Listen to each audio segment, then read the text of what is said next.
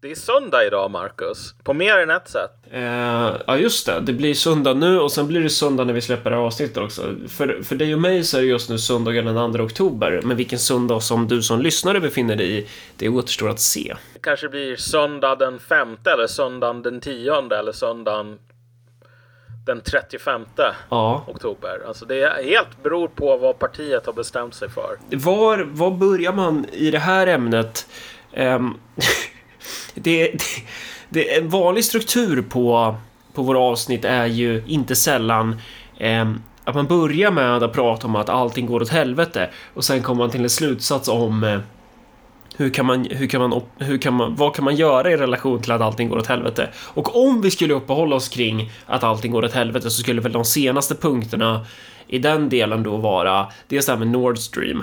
Eh, Och sen så pratar du någonting om brittiska pensionsfonder. Jag har som tur är varit ute i skogen utan, eh, utan täckning och typ badat i lingon. Det, det är ju under den här, under den här konstiga kalenderåret som det inte var några söndagar på överhuvudtaget. Inte vårat fel, alltså vi kunde inte göra någonting.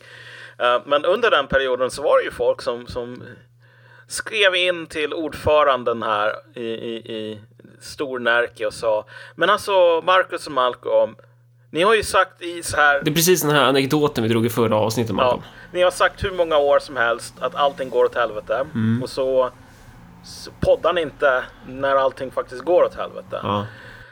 Jag tar upp det just för att så här, den, den intressanta grejen här, vi snackade ju lite grann i förra avsnittet om hur många saker på olika håll som gick åt helvete och vi kommer att komma med lite fler indikatorer på att allting går åt helvete i det här avsnittet. Men, men den intressanta grejen, och det här är väl kanske någonting som folk eh, i bästa fall är lite intresserade av. Så liksom, det kommer ju en fråga då, okej men vad gör man då? Hur tänker man då? Sådär.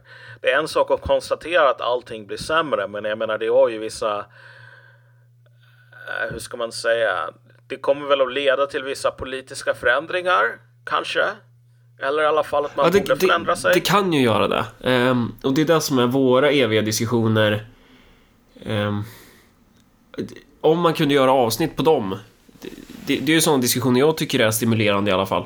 Men, men det är ju det är lite för interna detaljer för att gå ut med. Men det, det, det, det, jag alltid är frustrerad över är ju att vi är för dåliga om, utan, att, utan att avslöja för, för många detaljer. Men, men det är ju oftast det och sen så sitter du och säger ja fast så dåliga är vi inte och så säger jag jo det är vi. Vi är fan Mm. sämst och kallar alla i vår organisation är sämst. Eh, och och, och hur knyter jag ihop det här nu då? Någon, någonstans mellan de här två, allting går åt helvete och vi är, vi är för dåliga, så finns det ju någon form av tillstymmelse till eventuellt podcastavsnitt som ju då är Finns det en möjlighet att göra någonting åt saken och vad skulle man kunna göra? Och det är ju inte alls den frågan vi kommer besvara i det här avsnittet, men eh, det jag har skrivit framför mig, det här, är också, det här kan också vara ett sånt avsnitt där vi har helt olika idéer om vad det är vi ska prata om. Men det jag tänker att vi ska prata om är väl konceptet politisk låsning. Ja, Ehm, exakt. ja. Och, och för att koppla det till, till grann ett mer övergripande tema för dig och mig. Så, så här. Ehm, det är ju jättetydligt nu, och jag var ju en sån här galning som var ute tidigt och sa att de här ekonomiska sanktionerna mot Ryssland kommer att knulla oss så jävla hårt. Alltså bumerangeffekten kommer, vi kommer inte att överleva det. Ehm, och då i början var ju, tyckte ju alla att jag var någon sån här galning betald av, av ryssen. Och alltså, och det, det är så slentrianmässigt som folk anklagar andra för att vara landsförrädare alltså. Alltså det är någonting. Nej men jag, jag tänker just på alla de här åren av liksom vänstermänniskor som bara Åh jävla fascist! Så. Uh, hur gick det egentligen när högern fick sin chans och, och, och ha sin, sin, sin hjärtefråga? Var de ett dugg mer resonliga, vuxna, Vad, mogna? vad pratar du om nu? Nej, nej, men jag tänker bara på alla de här anklagelserna om, om, om så här landsförräderi och spion och Putin och så vidare. Det var ju inte många, det var inte många som, som sa att alltså, de här problemen skulle komma. men om du fick det där kastat i ansiktet väldigt mycket om du, om du sa det. Sen ska man Men- väl i rättvisans namn säga att de här mörka molnen som du förutspådde. Jag tycker mig se dem i horisonten, men de är ju inte rätt över oss än. Ja, alltså. Ja, vi kan ju komma in på det lite senare, men när det gäller så här energikrisen exempelvis. Ja, den är ju här. ju- Den är här. den är ju här och sen. eh, men som sagt, vi, vi kommer att kom, återkomma till det tror jag lite framöver. Det, men utan att förirra oss allt för mycket i, i liksom att jag ska hålla på och klanka ner på svensk höger som suger. Vilket de flesta lyssnarna förhoppningsvis vet redan. Så alltså, Fast vet du vad Malcolm? Svensk höger, de har faktiskt värdighet. just det. Jag var, jag var någon sån här diskussion. Det finns ju någon sån här funktion på Twitter där man liksom kan sitta och prata med varandra. Och så kan man lyssna på andra människor som pratar med varandra. Och så såg Ja, jag att Chang det. var med i något samtal, så tryckte jag där. Eh, och då så fick jag ordet i det där. Eh, och, och där de pratade om var typ såhär cancel culture. Eh, och så satt, så satt en massa människor. Chang var inte en av dem. Chang är ju sällan en person som sitter i kuckskjulet. Utan han var ju mer såhär, ja men eh, ge tillbaka. Eh, och bla bla bla. Och jag var väl inne på liknande spår, men det som är så intressant med människor som själv identifierar sig som höger är så här att Åh, men vi är högern, alltså vi blir så här kanslade på jobbet och det är ju fan jävligt jobbigt för man har ju huslån och grejer. Och Changs lösning är typ så här, "Ja, men sluta vara en fegis. Eh, Vilket ju är jävligt lätt att säga till någon som sitter med typ lån upp över öronen och faktiskt är liksom materiellt låst i sin livssituation. Eh, Medan jag var mer inne på så här, "Ja, men starta ett fackförbund då. Så här, ha, lägg in lite pengar i en organisation så kan ni ha yttrandefrihet sen. Så ifall någon får sparken då, då kickar det in en a-kassa typ. Men då, det, det som folk från den här sfären då säger, jag ska inte kasta alla under bussen, men personer inte sällan hemmahörande i med-sfären. Det är verkligen så här, de har det var någon som sa, ah, men vi är högern, vi argumenterar med fakta och inte känslor. Och det, Alltså det där, och det... där är ju sån jävla bullshit. Ja, menar, och, ren- och också då så här, vi, men, och det är sånt här nästan essentialistiskt argument som är så här, ja men du vet, dvärgarna de kan göra stoneform för att de är dvärgar. Vi orcher, vi kan inte göra, vi har en annan racial ability. Att det är typ som att det, vi, man, man är inherent, det, man är oförmögen till att kunna, om, om typ vänstern vinner genom att argumentera med känslor, varför, varför tar ni inte efter där då? Var, var, varför finner ni er i att vara dåliga? Det, det, är så här, det finns något slags självändamål i att typ då försöka vinna kriget med den typen av metod som uppenbarligen inte fungerar. Bara, "Ja, men vi, Ja. vi ska argumentera med fakta, så vi, vi kan inte göra så här. Vi kan inte. Och vet, om man då skulle föreslå så här, men starta en jävla... Gör som gamla arbetarrörelsen. Det var inte, det var inte för att de var typ så här supermedvetna kommunister som de byggde a-kassan utan det var ju för att de hade klassintresse. Det var ju därför man byggde a-kassan typ. Det var Ja. därför man startade fackförbund. Sen det här socialistiska och kommunistiska, det blir en ideologisk överbyggnaden som liksom träder fram ur klassintresset. Ja, nej, men- och, och det, där, det, där skulle ju, det där skulle människor kunna göra idag också utan att för den delen landa i den ena eller andra ideologiska fåran. Men det de säger då är nej, nej, så där kan vi inte göra för vi är per definition inte socialister. Men, men det är också så här, alltså högern snackar om cancel culture 2022. Give me a fucking break! Jag har fått folk som har skrivit till mig, väldigt namnkunniga människor inom svensk höger, som har klagat på att liksom, de känner att de håller på att kvävas i princip. Um, ingen, ingen nämnd här, ingen glömd. Men folk känner att de håller på att kvävas. De kan inte säga någonting därför att alltså, de riskerar jobbet och så vidare. I hela den här konflikten med, med liksom Ryssland och Ukraina. Och jag menar, om jag hade haft massor med svenska uppdrag kvar, alltså, jag skulle ha förlorat många av dem. För att folk från högern har liksom ringt in och försökt få mig sparkad. Precis som vänstern gör. Exakt, precis som vänstern gör. Och jag menar, det är en sak att göra precis som vänstern. Då ska man ha, men då ska man ha den här attityden att så här, vet du vad? Det är så det går till i hockey. Det svagaste laget förlorar för att de är svaga och sämst. Ja. Men nu är det så här att så fort är man själv, liksom någon gör mål på en, bara åh vad orättvist det är att göra mål, åh gud vad hemskt. Och sen du vet, när man själv får chansen, ja men då ska man fan då går man inte av för hackor. Så liksom det är verkligen den här, eh, det är verkligen slavmentalitet som vi avhandlar i något avsnitt för hur länge som helst sen. Så här att det är bra att vara svag och vara dålig för det är moraliskt. Och sen när man väl kommer ur de här bojorna för fem sekunder då beter man sig värre än den här jävla mästaren som man höll på att klaga på. Um, men det intressanta här är att nu kommer vi in på det här, det här problemet med politiska låsningar. För du nämnde ju det här väldigt konkreta för många människor, mm. exemplet. Med om man nu har um, uh, bolån och allting sådant. Uh, då kan man inte hålla på och säga vad, vad som helst. För då kommer man att få sparken från sitt fina liksom, övre medelklassjobb och då kommer det att bli jättehemskt. Mm. Så då får man helt enkelt hålla god min i elakt spel. Mm. Och har man inte de, de liksom fasta låsningarna där, då, kan man, då har man mer frihet. Och det där är ju någonting som är ett påtagligt tema inom, inom all politik, men också inom jag menar de flesta mänskliga institutioner. Att över tid, om du tänker dig så här en, en pärla eller någonting som bara en bit skräp som det samlas sedimenteringar kring. Så vad som helst i, i, hos människor i samhället kan vara den här lilla biten skräp som över tid samlar på sig mer och mer sediment. Och liksom folk blir så beroende av, de är liksom en del, något av de här lagren. Mm. Om den här biten skräp försvinner, ja, men då försvinner hela deras existensberättigande också på, på en och samma gång. Mm. Om vi nu ska ta, ta den här grejen med, med ehm, bara rent konkret med, med vår energipolitik nu alla är ju fast i det här med att allting är Miljöpartiets fel. Men i grund och botten så här att, att säga att allting är Miljöpartiets fel missar att så här, alla europeiska länder har inte miljöpartier. Sverige har idag typ de nägsla, näst lägsta elpriserna vad jag vet.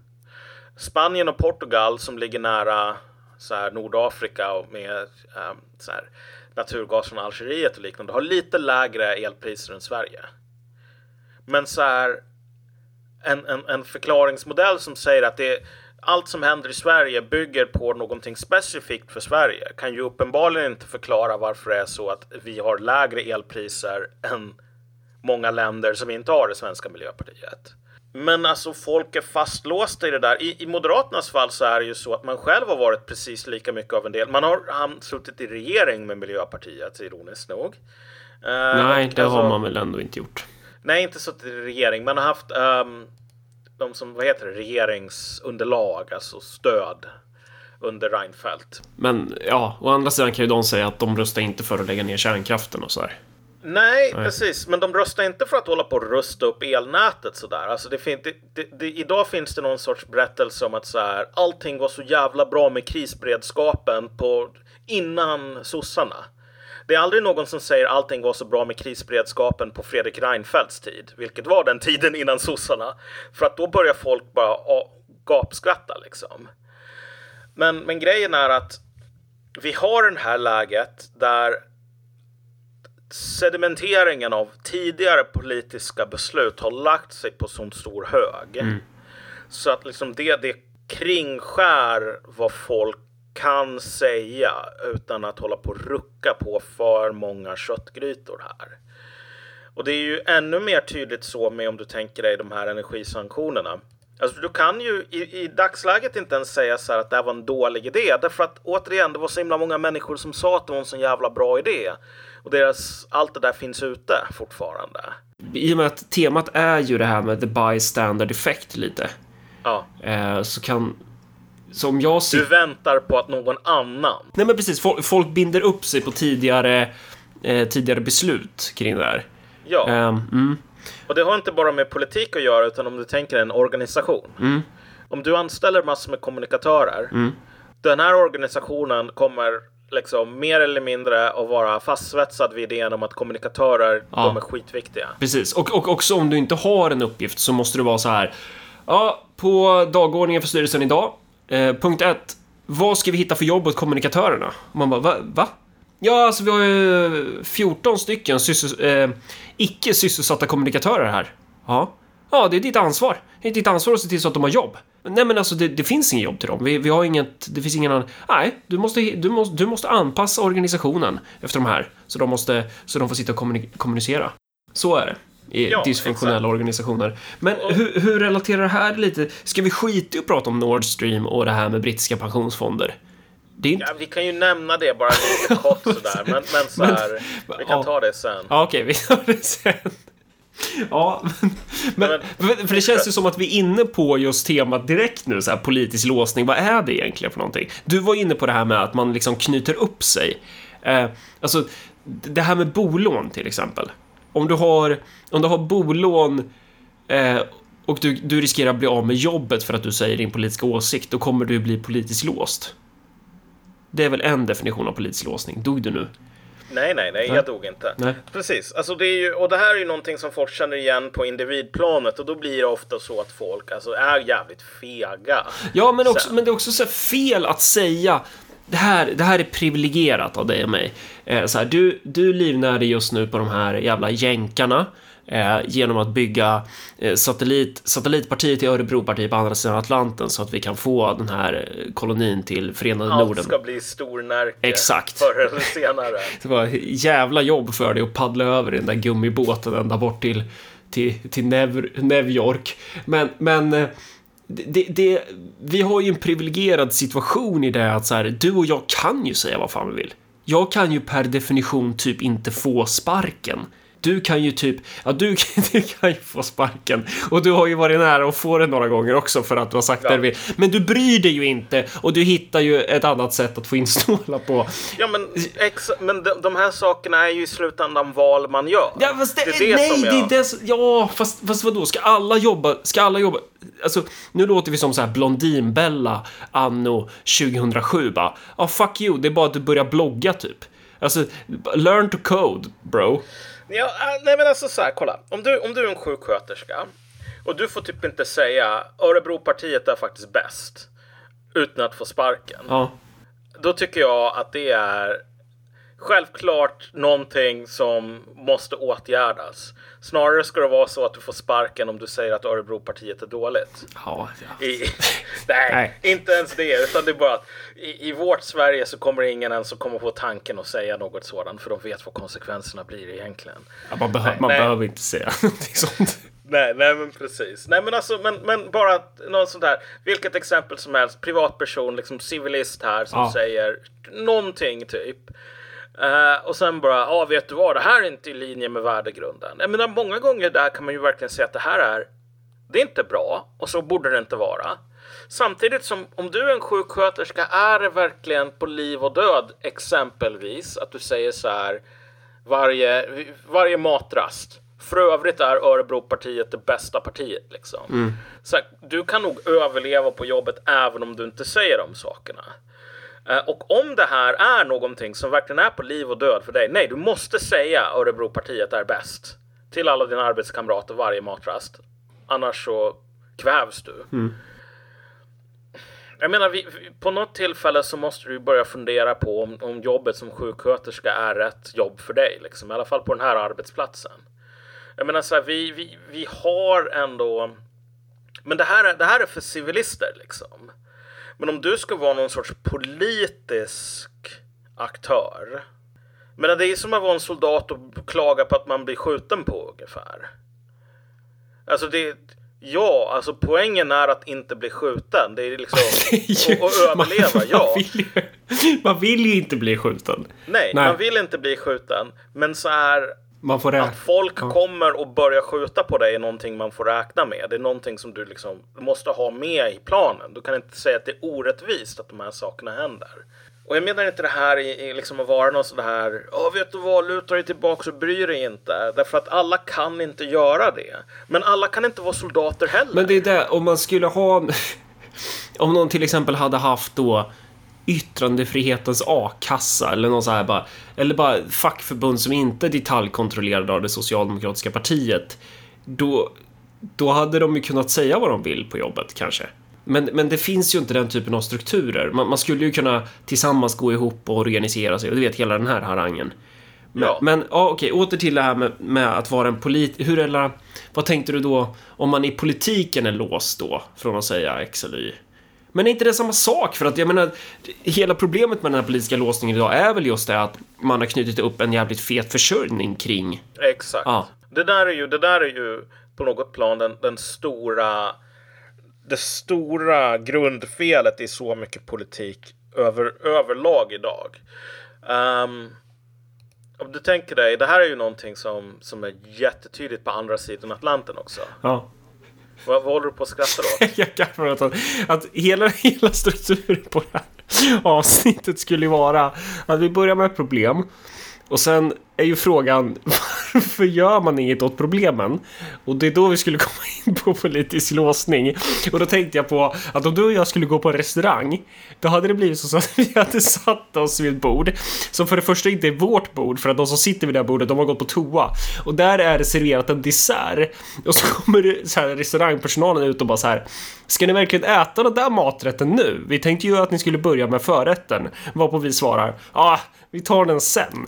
Och, ja, ja, men det, det, det, nu, nu, blir det som det blir här, Marcus. Ja. Det är så här. Vi ska inte vara låsta vid sociala konventioner här om när man äter dessert. Exakt. Eh, det är inga sanna bolsjeviker liksom respekterar den här små bourgeoisiens idéer uh, om, om ja. vilken mat man tar först. Nej, exakt. Nej, men alltså så här. Men, men, men för att återgå till den här grundlåsningen om vi tänker oss. Så här, nu har jag eh, som en del av jobbet, ish, jag skriver mycket för amerikaner nu och jag har ganska mycket kontakt med lite olika amerikanska politiker och sånt där. Och det har varit intressant att se på eh, hur de har försökt. För alltså tidigt 20-tal, sent 10-tal. Det var ju då där alla högerpartier skulle bara, vi ska bli nya arbetarklasspartier. Um, och alltså att se när de ska försöka navigera de här väldigt stora politiska skiftena som faktiskt sker nu. Mm. Så här, väljargrupper går från, går från vänstern till högern, andra går från högern till vänstern och så vidare. Alltså det är stora skiften sker. Men alltså modellen som alla vill ha i USA. Det är om du tänker en armé som består av proffssoldater. Alltså alla ska vara så här övre medelklass konsulter i princip. Vi ska hitta baserade konsulter, konsulter med liksom rätt sorts attityder om allting. Mm. Rätt sorts idéer och så vidare. Um, men problemet är att om du är en konsult så kommer du aldrig kunna vara för en politik som säger så här. Vi har för många konsulter.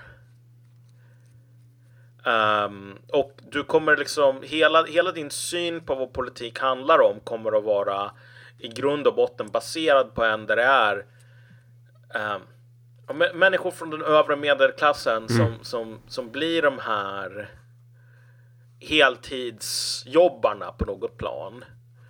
Alltså, ditt klassintresse kommer att ligga före all, all, all annan politik det är all annan politik, oavsett om det är att få tillbaks liksom fabriken eller någonting. Det kan inte vara så att den här politiken kan leda till att din egen klass blir liksom avskaffad. Och vet du vad som är väldigt vanligt med människor som har ett klassintresse i att eh, få sin försörjning från politiken?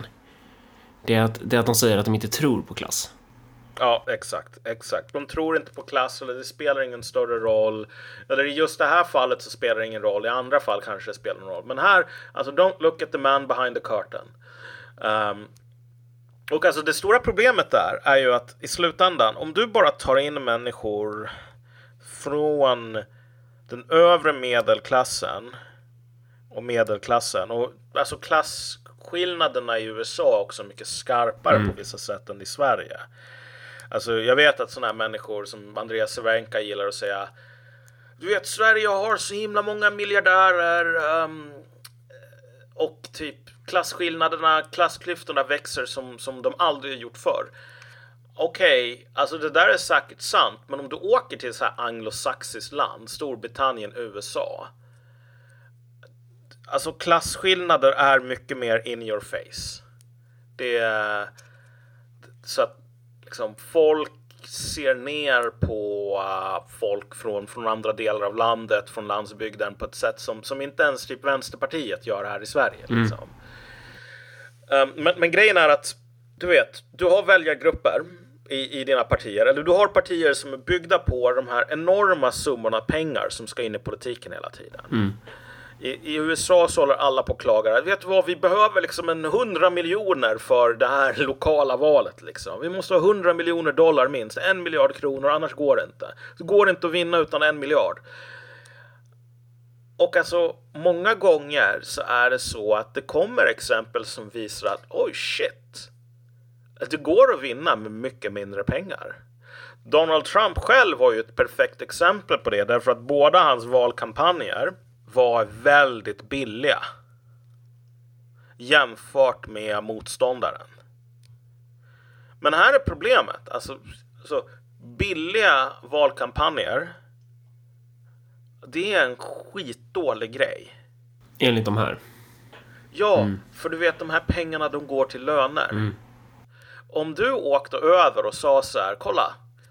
Här har jag en, en, en, en, garanterad metod som gör att du kommer att kunna vinna det här senatsracet på 100 000 dollar istället för 50 miljoner. Mm. Folk skulle klappa, äh, applådera väldigt um, äh, liksom du vet, vad heter det? Pliktskyldigt. Ja. Mm. Sen efteråt så skulle de typ hyra någon sån här colombiansk lönnmördare eller någonting mm. för att ta ihjäl dig. Därför att okej, okay, det är 50 miljoner dollar som står på spel. Mm, precis. Som skulle kunna gått till att eh, till att du blir chef över de som ska intervjua i den här Gallup-undersökningen i den här påhittade intressegruppen som är typ enbenta morsor med tax hemma. Ja. ja och det finns ju en gemensam bekant här uh, som vi inte behöver nämna vid namn, men i New York. Ja. Um, som du vet, vi båda har snackat med. Alltså han berättar ju för mig ganska nyligen att så här, han är aktiv inom politiken för Republikanerna i New York. Och det är liksom så här att en av de personerna som, som, som är under honom, eller som de har hyrt in, det är alltså typ dottern till någon uh, högt upp i partiet. Och hon har liksom inga kvalifikationer överhuvudtaget. Inga alls. Hon, har, hon jobbade lite grann som underhållare på någon sån här kryssningsföretag. That's it. Uh, och hon har liksom fått så här ansvaret för att typ leda eh, liksom all politik i Queens eller någonting. Och det blir så här att det, det är hela tiden massor med misstag. Um, och typ att hon kom på den här smarta idén att typ förfalska namnunderskrifter för det är så jobbigt att gå ut och hitta dem. Mm. Så man, man kan bara liksom hitta på dem sådär. Oh. Oh. Vilket är, äh, om du ursäktar en teknisk term här, kukolagligt. Uh, Såvida du inte från Örebro kommuns sida ändrar ja, ja, ja. 1315 personnummer. Förvaltningsrätten har slagit fast att det är inga problem att göra så. Nej men precis. Om, om, om... Så, så det är faktiskt inte olagligt längre enligt förvaltningsrätten? Ja. Tack så mycket svensk förvaltningsrätt. Um, men, men i, i ett tidigare, liksom ett alternativt universum så var de här sakerna fortfarande olagliga. Extremt olagliga. Uh, men det är liksom så här, jag är för lat. Mm. Men grejen där är ju att, du vet, om du bara sa vi kan få in en snottling här, någon sån här 23-årig zoomer som kan göra det här jobbet för liksom en 10 000 dollar om året istället för en 120 000 kronor. Det är ingen som skulle säga fan vilken bra idé. Annat än kanske väljarna. Men alltså hela poängen med partiet det är att partiet ska liksom kunna försörja de här människorna. Mm. Rent krasst. Och alla fattar att det är så. Det, det här är inte någonting nytt. Det här är inte någonting som har uh, hittats på liksom av uh, elaka kapitalister på liksom 90-talet eller någonting. Utan det är ofta så här det funkar.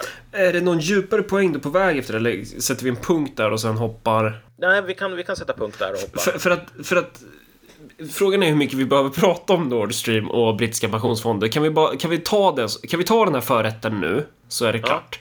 Eh, och jag, och då, nu när man lägger upp det så här så, så, vet jag knappt vad jag ska säga själv. Det är så här, vi skulle ju nästan kunna haft ett avsnitt där vi bara sitter och så här, foliehattar om Nord Stream. Jag har ingen aning om vem som ligger bakom Nord Stream, men jag tror att det är Degerforsarna. Ja, nej men precis. Vi behöver inte säga någonting i, i, om den frågan, för det, då, då, skulle man behöva foliehatta i ett halvt Alex Jones avsnitt sådär. Kan vara Norrköping också. Ja, precis. Eller så kan det vara, Västerås. det kan vara Västerås. Ryssland. Eller så kan det vara Polen eller USA eller Ukraina liksom. Mm. Eller Storbritannien, whatever. Men vad det här kommer att leda till. Det här var liksom sista livlinan på något plan för um, mm, tysk industri. Ja, de har, alltså, ja, jo, det, det, gasen minskar ju rejält nu, eller hur? Alltså, gasen var ju redan avstängd i Nord Stream, men, men problemet är nu, nu, nu kan man inte vrida på kranen eftersom den har Nej. gått läck. Eh, men du har ju fortfarande ledningar via Norge och Nederländerna in i Tyskland, men det räcker liksom inte. Mm. exakt. Alltså... Um, och den stora grejen här också, folk säger så här, ah, men vet du vad? Tyskarna kommer att kunna hitta alternativa leveranskällor här. Från sådana här LNG och liknande. Och jag har ju varit inne på det här tidigare, men, men problemet med LNG är att det inte finns nog med kapacitet i världen. Det finns inte nog med liksom, terminaler, vare sig i Tyskland eller USA till exempel, för att frakta om det skulle finnas kapacitet, vilket det inte gör. Och även om det skulle finnas terminaler så finns det inte nog med skepp. Och, det finns inte nog med varv för att bygga nya skepp. Och jag har ju ingen aning om det här stämmer, jag, men jag bara antar att de är ganska fucked. Ja, de Ja. är ganska fucked, men, men allt det som jag säger nu kan du lägga åt sidan därför att det spelar typ ingen roll. Nej. För att den stora grejen här är att typ, om du tänker dig, om du är en privatperson i Uppsala eller Örebro, du ska betala elräkningen. Om någon bara, du vet, om, om elbolaget bara kraschar i ett halvår, du får ingen el, då kommer du bli ganska sur. Men om, el, om det nya elbolaget sen ringer dig och bara vi har oändligt med el nu. Alltså det finns oändligt med el. Det kommer aldrig någonsin att ta slut igen. Elräkningen kommer ligga på 30 000 kronor i månaden för din lägenhet. Mm menar, det är ungefär lik, det, det, det är ett resultat som går att likställa med att elen har tagit slut. Fast man, man, du blir mer, råd. man blir mer sur då. Om det finns oändligt med el men man måste betala 30 lök i månaden. Ja, nej men alltså någon måste flyga till månen och hämta hit elen och det kostar liksom. Och, och sätta sig i den här jävla raketen. Ja. Liksom. Ja, okej, det finns oändligt med el på månen, men du vet, man måste köpa raketer för att frakta den.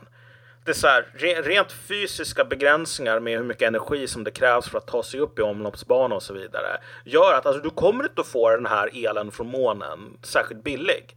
Det kommer att ligga ett prisgolv på månel Ja.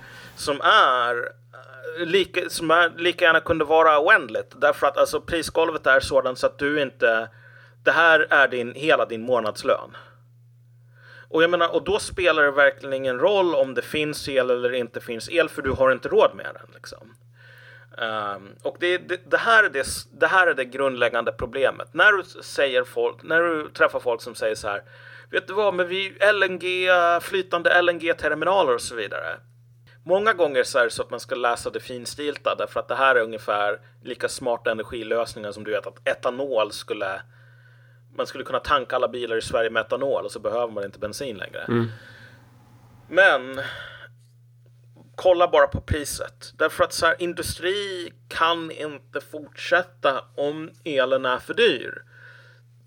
Det finns liksom, det finns ståltillverkare i andra delar av världen, typ Asien. Och om de kan tillverka sitt stål för en tredjedel av priset, då kan inte du konkurrera längre. Så det, det blir problem. Det blir väldigt stora problem. Och det här med pensionsfonderna då? Vad var det som var...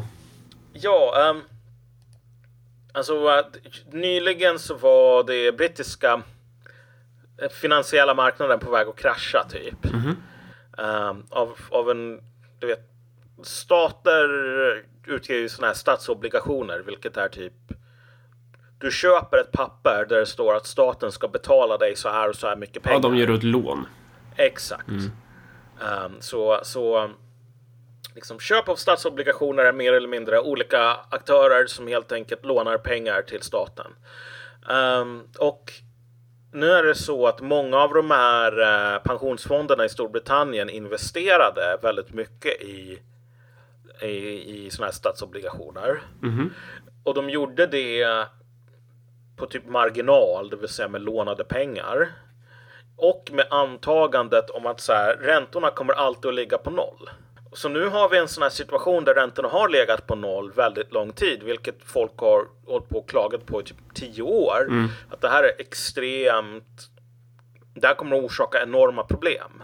Det är inte, det är inte normalt. Alltså, systemet ska inte ligga på 0% ränta eller minusräntor. Ehm, och nu den, den brittiska centralbanken försökte alltså höja räntorna och typ avyttra många av de lån som man själva hade liksom köpt.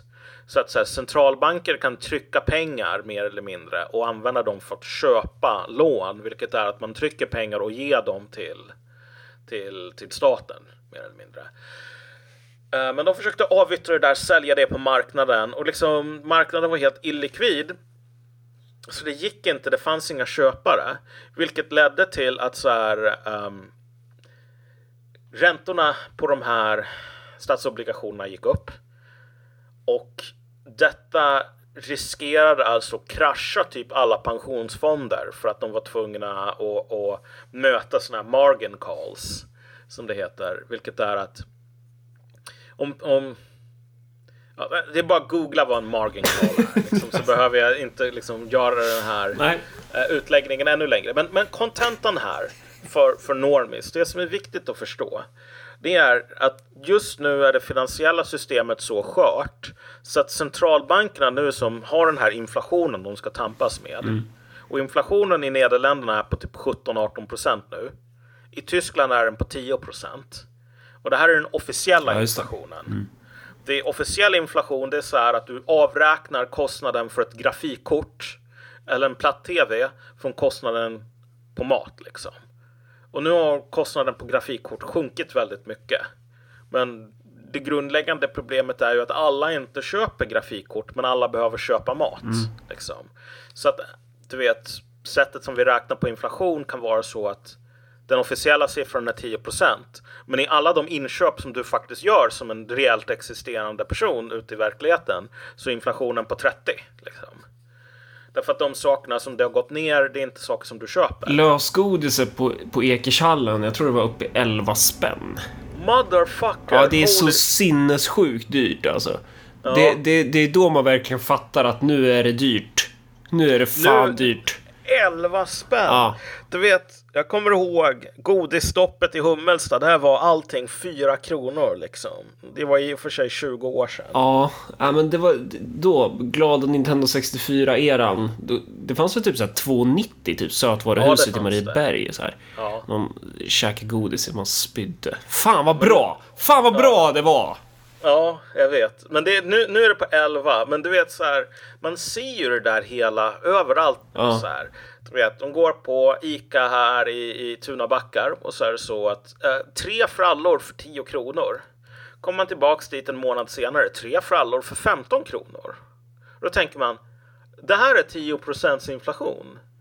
Jag trodde att du vet, det skulle vara tre frallor för 11, men nej då. Nej. Ehm, Men det, det finns ju också en anledning till varför, jag ska inte ge några aktierekommendationer här, men så här, vissa matvarukapitalister vet ju om, Ingves pratar ju för fan om det där på sin presskonferens, alltså här, företag höjer ju sina höjer priserna på sina produkter för att de kan skylla på inflationen. Ja. Så det, är, det är smart. Ja, ja, nej men så är det ju. Men sen får man tänka också så här att i termer av den, den andra inflationssiffran som är kanske nästan viktigare att, att hålla i åtanke. För liksom 10% inflation är ju den totala liksom, eller sån här CPI, vilket står för Consumer Price Index. Med Consumer Price Index, där kan man alltid hålla på och fuska. Man kan säga så här, priset för pasta har gått upp med 100% men priset för hummer har gått ner med 20% Därför har den totala matkostnaden bara eh, Rört sig på streck. Ja, det, det har bara ökat med 10% för att vi viktar hummer jävligt mycket tyngre än, än, än pasta. Och sen bara, men de flesta köper inte hummer. Och bara, ja men vadå, det är ju mat som mat. Men den andra alternativet här, så här producentprisindex, PPI. Det är ju de kostnaderna som en producent av, av, av varor i, i ekonomin måste betala.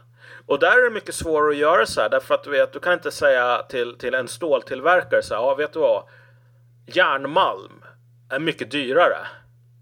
Men... Du kan köpa hummer. eh, ja, du kan köpa hummer. Eller du kan typ köpa gummi. Gummi är jättebilligt just nu. Ja, fast du vet, jag tillverkar stål.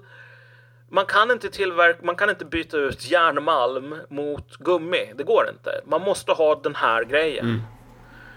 Och då är det så att om priset på den här grejen går upp med 45 procent, ja men ja, det är mycket mindre utrymme att hålla på och fula till det. Så att alltså producentprisindex i Tyskland börjar krypa upp mot 50 procent på årsbasis nu. Eh, och de kostnaderna kommer förr eller senare att, att passeras över till, till eh, kunderna. Alltså jag, jag är inte något man kunde ju tycka att någon med liksom din och min bakgrund så där borde tycka så här att hoppa på varje chans och hålla på och klaga på giriga kapitalister. Men i det här fallet så känns det mest som liksom surt så räven om rönnbären. Ja, ja, ja, ja, jag sitter ju och är arg över att jag inte vet. Jag sitter ju svettig för jag tänker så här. Nu, nu kan jag göra århundradets jävla klipp nu kan jag bli den giriga kapitalisten och tjäna jättemycket pengar. Och så sitter jag sjukt frustrerad över att jag inte vet exakt hur jag ska göra. Och det känns, det känns som att det finns en förväntan. Det, a, a, alla tittar på mig och, och förväntar sig att, att jag ska bli miljardär nu. Så känns det. Men jag kommer inte bli där. Jag är för dålig. Nej. Jag är alldeles för dålig. Hur relaterar vi det här till politisk låsning? Ja, nej men alltså den intressanta sakerna här, och det här var ju den konversationen som vi hade innan vi började podda, ja. är ju att det är så många människor just nu som tänker så här, eh, och det här var ju någon som sa det till mig, direkt citat, att du vet, han skulle köpa någon ny lägenhet eller någonting mm. eller flytta från där han bodde. Men först ska bara elpriserna normaliseras. Och det där är ju också helt sjukt. Det, det, det, nu är det ju perfekt för nu kommer ju priserna gå ner ju. Om man ska liksom hoppa. Fast i och för sig, då kanske hans lägenhet kommer gå ner. Ja, ja, och så kommer, ja. mm. ja. Ja, det, det är alltså också. Men, men just den här tanken att bara det finns en normalitet här som vi ska tillbaks till. Vilket är att tänk dig på den tiden som alltså så här innan Nord Stream sprängdes och eh, ryssarna levererade gas och vi inte höll på med sanktioner. Att det är normalt, men nu är Nord Stream sprängt och vi ska inte sluta med sanktionerna. Du vet, eh, europeiska politiker säger nu att även om även om vi vinner kriget eller även om du vet, Ukraina och Ryssland sluter fred imorgon så kommer inte sanktionerna avta. Vilket också är så här jättesmart på grund av att då finns ju jättestora anledningar att sluta fred. Mm. Om det är så här att ni får gärna sluta fred men vi kommer att fortsätta kriga. Um, men alltså, just den här idén. Tillbaks till det normala. Du kan princip, alltså folk är inte beredda att acceptera idag, även fast det är oundvikligt. Att så här normalitet, det kommer inte att komma tillbaks. Alltså, eller det, det, det kommer att bli ett nytt normalt här, vilket är att saker och ting blir jävligt mycket sämre och dyrare och väldigt många människor i medelklassen som var det tidigare. Mm. De kommer inte vara det längre.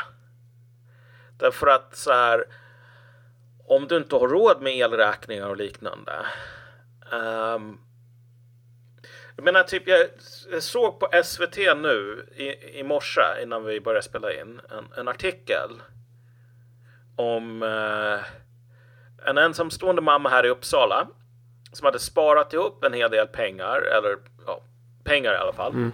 Och nu var det så att hon gick back minst 2000 kronor per månad. Sådär. Och det var efter att hon gjorde alla besparingar hon kunde i princip. Så det är inte så bara ja, jag lägger en 2000 kronor i månaden på hummer för jag är värd det. Utan nu är det liksom allting som har gått att spara på har sparats på. Men det är ändå så att så här, pengarna som kommer in räcker inte till. Och förr eller senare så kommer alla sparpengar att vara borta också. Alltså för en sådan människa. Uh, det, så som det ser ut nu. Mm. Så kommer det, alltså om du tänker att, ja vet du vad, det här är bara, det här är bara temporärt jag kommer att räddas av, du vet, den nya högerregeringen som kommer in och bygger kärnkraftverk eller något sånt. Bara nej. Alltså, när dina sparpengar kommer att ta slut så kommer du att vända dig om hjälp och så kommer du få ett nej. Mm. Här, och, då, och då om vi klipper till liksom till just den nya regeringen och den gamla så skulle man kunna porträttera eh, den politiska handlingskraften i att i följande scen ponera att mitt på centralstationen i er stad eh, klockan 12.22 en, eh, en torsdag eh, sker en, eh, en överfallsvåldtäkt eh, där den här liksom kvinnan hon, hon skriker hon, hon har fullkomlig panik här för att det är ju det är några som försöker våldta henne eh, och så är det fullt med folk på den här platsen.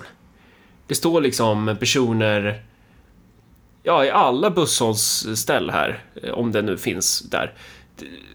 hur som helst, det är väldigt många människor där som inte försöker våldta henne, men som bara är där. Och de är ju som svenskar är mest, att de är lite så här, jaha, ja. Det är lite, lite, det blir oskön stämning liksom att, att, Ja. att det här händer och man vet inte, är det jag nu? Måste jag? Är det här mitt problem eller kommer han Lasse där borta? Det kanske är, hon bara, så här, hon bara gallskriker liksom bara fruktansvärt är det. Ja, Men ingen gör alltså, något. Ehm, Det finns, och det, det här är ju någonting som det har gjorts mycket forskning på. Och det, vissa lyssnare kanske tycker att det här eh, exemplet våldtäkt liksom på öppen gata till smaklöst. Men alltså sådana här saker har ju på, på allvar hänt. Alltså specifikt då ö, sex, eh, så här, överfall på tåg. ja. Där det är massor människor inne på tåget och alla ser det här. Och det är liksom, men, men det som gör att folk inte lyfter ett finger är inte nödvändigtvis att de är rädda för sin egen Nej, alltså. Utan det är framförallt så här att om, om det bara är en person då kommer den här personen att bara tänka så här Ja fan, jag behöver göra någonting. Eh, och ibland så kan personen vara feg och då är det liksom den impulsen som vinner. Men annars så är personen typ dum i huvudet eller modig eller båda två och tänker inte på det. Det, det hela kallas väl the bystander defect i alla fall. Ja, exakt. Så att alltså när du är en, en bystander här och du är ensam då brukar du faktiskt, då, då är folk benägna att gripa in om de ser någonting. Men om det är massor med andra människor där som på ett tåg då tänker folk att jag kan gripa in men det är ju massor med andra här så någon kommer att göra det. Och sen om ingen gör det här på en gång vad som händer därefter det är ofta att eh, folk bara ser att ingen annan gör någonting och då tänker de det kan inte vara så himla allvarligt. Nej. Därför att om det vore jätteallvarligt då skulle någon annan gripa in. Så att ofta är det så att om det är någon person som faktiskt gör någonting, ja men då, då händer det någonting. Men om ingen gör det, då är det så att ju, ju fler människor som teoretiskt kan hjälpa, desto mindre benägna är någon att hjälpa. Ja, och man får kritik då, varför gjorde du ingenting? Då kan man säga, men Exakt. ingen annan gjorde ju något. Ja, och vi, vi har exakt det problemet här i Sverige nu och liksom politiskt överlag. Ja, men och, och typ, och då åter till den här då, varför pratar Marcus om en våldtäkt när han skulle prata om politiker? Jo, för att det här är typ samma scen. Bara så här, ja, ni kan med ett pennstreck ta bort er jävla straffbeskattning på kraftvärmen. Ni kan ni kan, alltså att- den här kärnkraftslösningen, det har ju gått lite fetischism i, i det också, att man ska producera allting. Det ska vara en universallösning på allt. Så här, jag är ju helt för att vi behöver kärnkraft, men det kommer ju ta ett jävla tag att rusta upp det där. Ehm, men bara det här att skrida till verket, och det är jävligt lätt, nu sitter jag som Aftonbladets ledarsida bara så här, kolla! Kolla i, i Kristerssons Sverige så dör folk! Bara, de har inte tillträtt än. Så. Men, men att det är... Och hur har jag, har jag då fog för det jag säger? Jo, men jag tycker mig ha det, för att jag tycker mig se en... Att det saknas liksom handlingskraft från samtliga politiska etablerade partier idag. Att man har varit den här stå och titta med öppen mun, ha lite så här kladd i mungipan typ, vara lite fuktig på, på underläppen och, och, och se allmänt indolent ut och bara titta på problemet istället för att så här, ja, rensa ut skiktet av polischefer i Polismyndigheten. Eh, sparka den och den generaldirektören. Ta bort eh, så här, straffskatten på kraftvärme om ni ser att det kommer bli en jävla elbrist. Bygg ut, eh, bygg ut linorna från Norrland ner hit för att kunna få ner mer kapacitet så, så gott det går, typ. Man har ju inte gjort det. Nej, det har man inte. Men också den grundläggande lös låsningen här, om vi ska vara helt ärliga, är ju att vi, Europa har varit en jävla bilolycka nu. Och folk bara tänker så här, vet du vad, när vi köper en ny bil som är liksom totalkvadrat i den här olyckan, då måste vi se till så att den har bättre bromsar och tänka på det här och det här och det här. Ja, okej, men om du ligger på sjukhuset och kämpar över ditt liv, liksom, då är det mer, vilken sorts vård ska den här akutpatienten ha? Alltså, Eh, diskussioner om framtida bilolyckor eller liksom bilar som, som kommer att minska olycksrisken. Det är så här, om du inte överlever så spelar inte det någon roll. Alltså det finns en skillnad mellan det kortsiktiga och det långsiktiga och det enda folk är beredda att diskutera mer eller mindre, det är så här långsiktiga grejer. Um, infrastrukturprojekt har om i, i ett alternativt universum där saker och ting är supereffektiva jämfört med vårt. Men ändå så i det här alternativa Star Trek-universumet så tar det flera år. I vårat så här när du sätter Filippa Reinfeldt och fixar Sveriges elnät, då kommer det att ta en 15 år eller någonting. Nej, men alltså utan, utan att eh, fastna på den extremt deprimerande punkten här. Så de här sakerna tar väldigt lång tid. I, på, i grund och botten så här, det stora problemet, och det här var antagligen också varför Nord Stream sprängdes, mm. att den enda reella lösningen som faktiskt funkar, det är uh, att på kort sikt så finns det bara en energileverantör som har någon sorts förmåga att kunna leverera energi. Det är så vi har byggt vår infrastruktur. Det är så världsmarknaden ser ut. Och det är Ryssland. Alla andra länder har inte massor med sådana här färdigborrade brunnar med naturgas. och de bara, tänk om så här Europa skulle behöva det här. Jag bara borrar en brunn och så håller jag, betalar jag jävla feta underhållskostnader så att den här inte liksom sprängs eller typ gasen läcker ut eller någonting. Men bara ifall att Europa skulle behöva massor med gas. Man gör inte så. Den kapaciteten som finns i världen, det är den kapaciteten som liksom folk betalar för. Mm. Um, och många andra länder, typ, vi har ju försökt övertyga Saudiarabien och liknande om att här, pumpa mer olja bland annat. Och de har bara sagt så här, att vi, för det första, vi vill inte. För det andra, även om vi ville, vi kan inte. Vi kan fysiskt inte öka vår produktion. Nej. Men, men i, den, i den mån man kan göra grejer, till exempel ja. ta bort straffskatten på kraftvärme eller den här ja. typen av for, formalia, så gör man ju inte det. Och då, varför gör man inte det? För att det, det finns ju, the bystander effect är väl en logiken i det är att man tänker någon annan kommer ingripa. Ja. Eh, men, men det här vi pratade om tidigare med politisk låsning, det är ju att du har ett materiell, materiellt incitament att vara låst. Ja. Går de ihop? Ja, det gör de ju delvis för att man vill inte vagga, gunga i båten, typ. Eller hur ska man förstå liksom bristen på handlingskraft? Ja, nej men alltså, men, men vi kan ta, vi kan ta exemplet Danmark här faktiskt. För jag menar, Danmark har till skillnad från Sverige gjort en viss Liksom, de, har, de har tagit mer steg här, mer akuta steg. Du nämnde det här med straffskatt och liknande. Danskarna har sänkt energiskatten med 90 procent nu. Um, Danmark har mindre industri än vi.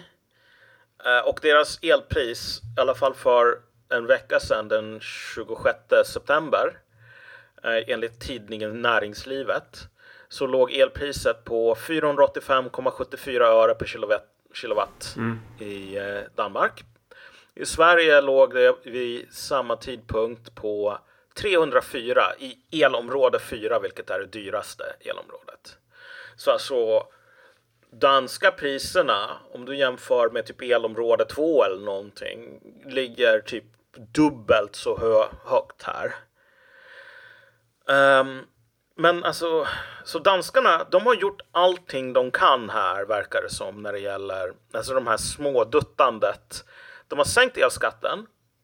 De har typ sagt att de ska satsa en 2 av, av Danmarks BNP på så här lånegarantier och liknande. Mm. Uh, vilket i det här fallet innebär att så här, du betalar som om det är en normal tid liksom när det gäller elräkningen.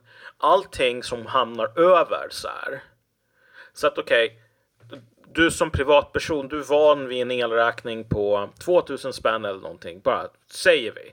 Och sen så får du betala en 15 000. Okej, men du får fortfarande betala 2000 kronor, men de här resterande 13 000, det är ett lån som du får av staten som du ska betala tillbaka. Gör de så i Danmark? Ja. Okej. Okay. Um, ehm, vilket Alltså kommer de här pengarna att betala tillbaks? Men, är vi, men, men, men det är kolla, dit, Ja, men dit jag ville komma var bara så att danskarna har gjort de här grejerna. De har gjort alla, kanske inte allting som går att göra, men väldigt mycket. Mer än i Sverige, för att deras behov är också mer akut. Nu är det ändå så att de stirrar på en situation där det är så att de kommer inte ha nog med el denna vinter. Om det är så att vinden står stilla, för Danmark är väldigt beroende av vindkraft. Mm. Men vi är ju inte som, alltså Nej. vi är ju inte, vi har ju, det är ju det som är jävla tur att vi har våra forsar ja. uppe i norr liksom och, ja. och det här. Eh, och, men, och, och, ja. Men, men min poäng här är bara så här att i Danmark, när du har den här katastrofen. När det verkligen är så att det som riskerar att hända, det är att du får du får inte nog med el till landet. Alltså inte så här, oj, elen är dyr, utan noll el. Inga mobiltelefoner. Uh, du vet, ingen tv, ingenting. Det är inte som om de då säger så att okej, fan, det vi måste göra nu för att förhindra det här, det är liksom att försöka få någon sorts lösning på den här jävla konflikten.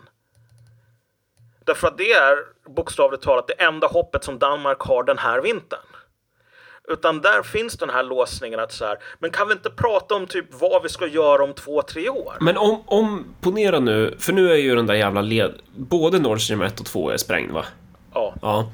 Eh, och då finns det inte gasledningar som går via Vitryssland. Det finns ju fortfarande ledningar som går från Ryssland in i Europa. Ja.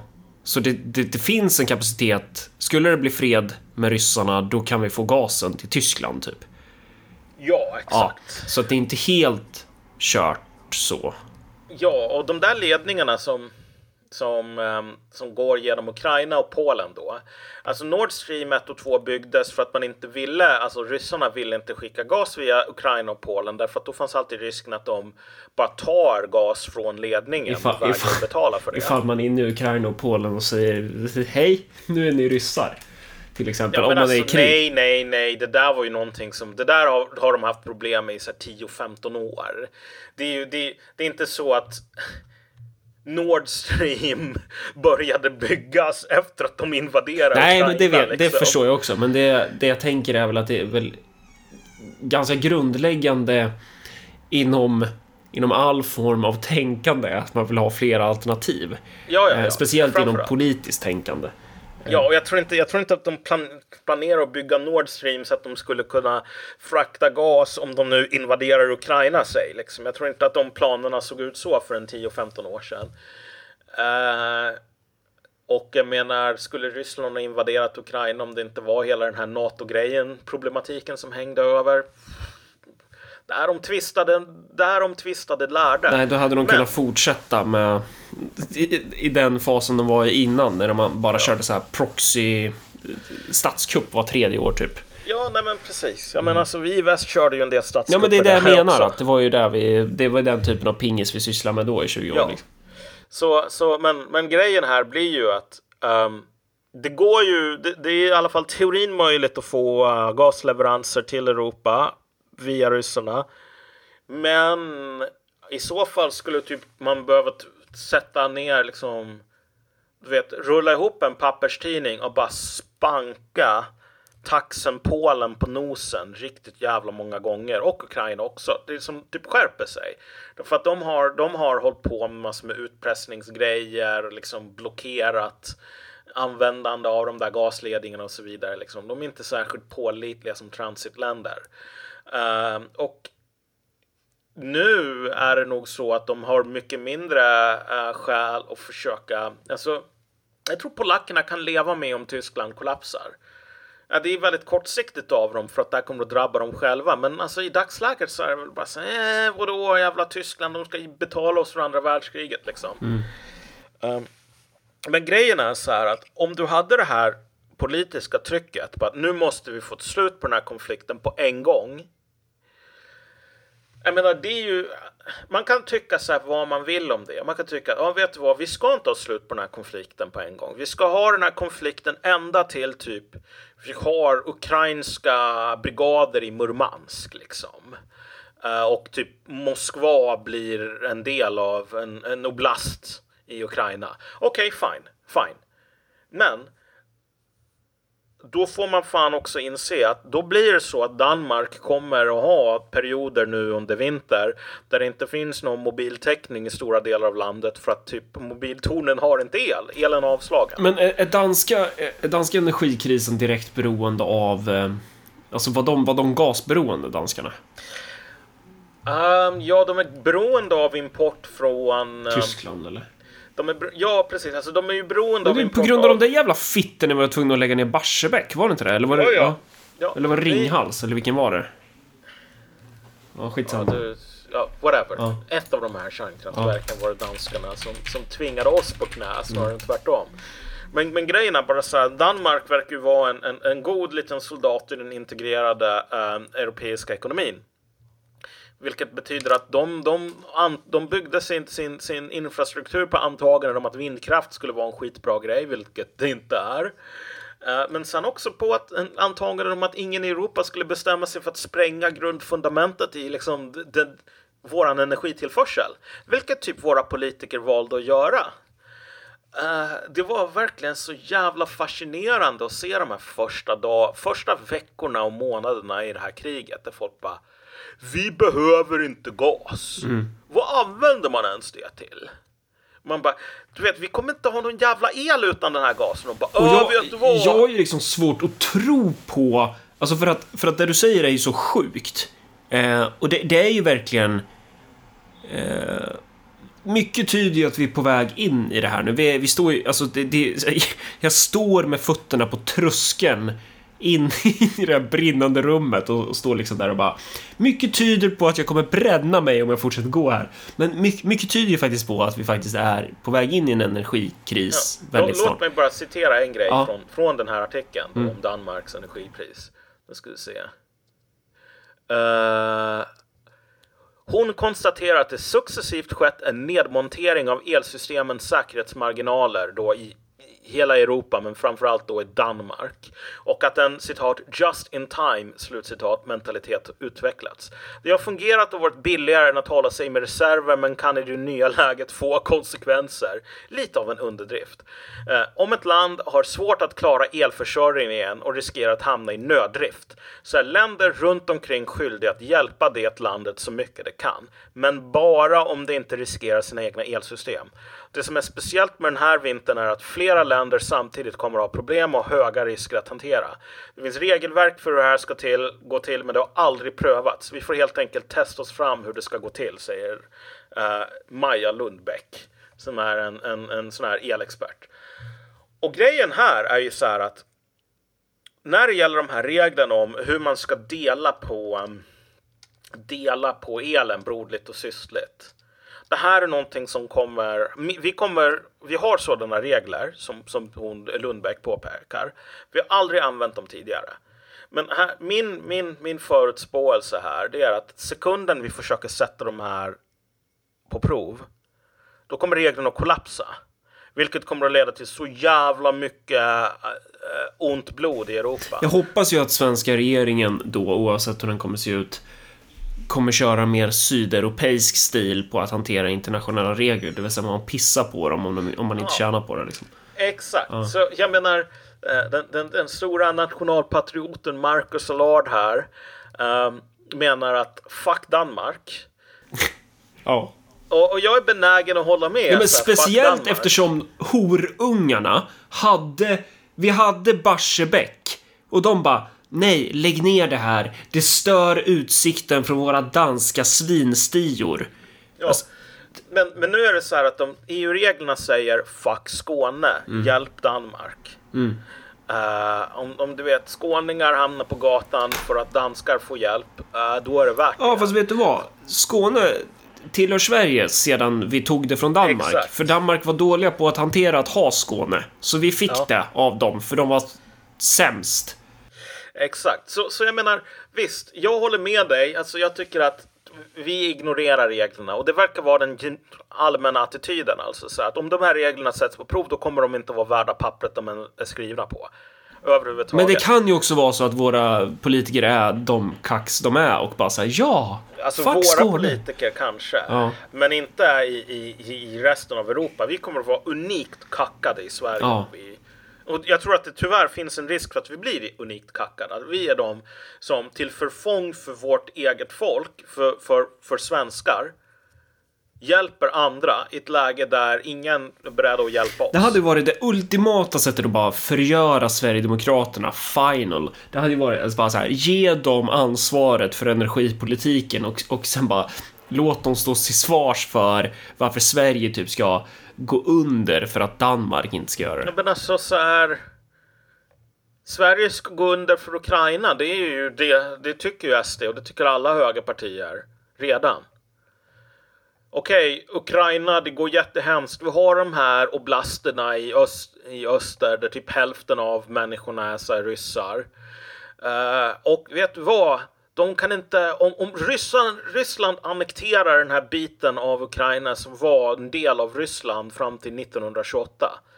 Det är en sån katastrof så att då kommer varje sann svensk patriot i Skåne och säga hellre fryser jag ihjäl och ser mina barn svälta ihjäl än att Ivan lägger sina smutsiga björnluvar på typ Kherson eller någonting. Det är ju, det, det är ju den officiella attityden. Och jag som någon galning säger så här att du tror inte att svenskar verkligen kommer att ha den attityden när, när svält blir på riktigt liksom. Mm.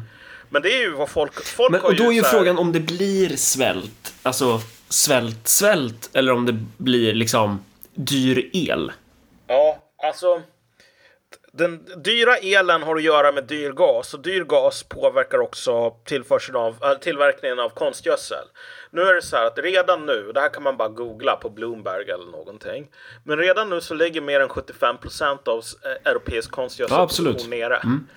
Eh, och det här är någonting som kommer att gå igen i, i andra hälften av 2023 kommer konsekvenserna att komma. Men det är verkligen en sån där grej som att det är bara om du tänker dig. Du ska ut på en, en, en bilresa. Och du kollar på, eh, du ska åka upp till Norrland och du kollar på, eh, vad heter den här bensinmätaren och så står det att det, det, det finns typ två liter kvar i tanken.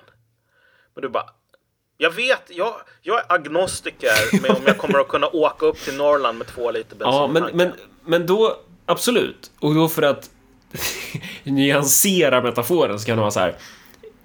Inom, inom de två litrarna, innan du hinner bränna dem, så kan du passera en bensinmack och tanka.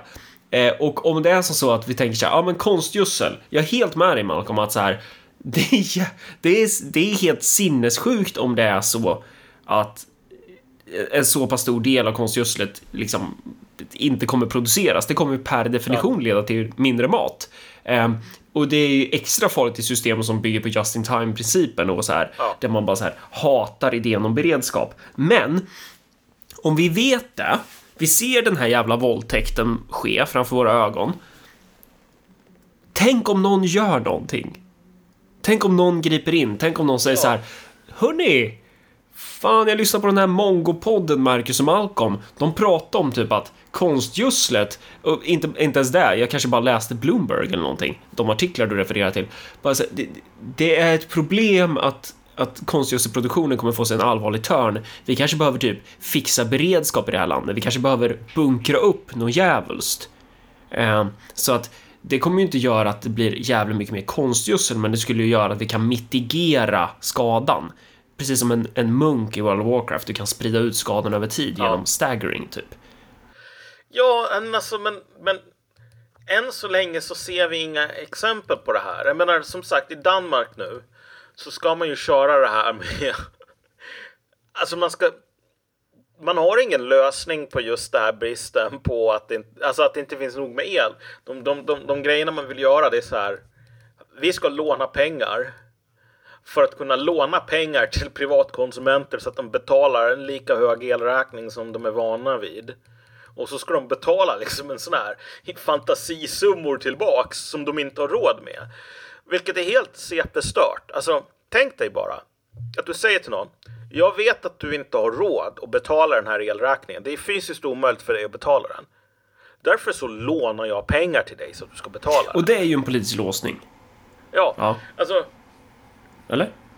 Ja, jag menar bara så här att den, den, vi, vad vi inte ser nu, det är människor som bara wow, okej, det här kommer att bli ohållbart och jag bara behöver göra någonting. Därför att så här, rent konkret med de här jävla lånen. Om folk inte har råd, då har de inte råd. De har inte råd om du lånar dem pengar. De har inte råd. Nej. Men om... Ja. Men, men, alltså- men, men då, då är det också en diskussion så här. Och den, den diskussionen kommer ju komma också, det här med, ska man nationalisera elproduktionen helt och hållet? Ja, för att, alltså- för att det, det kanske hade varit, om du ska ha en massa företag som ska leka marknad där, visst, vi hade ett läge i Sverige en ganska lång period där företagen klarade av att leka marknad och det fanns en balans och sådär.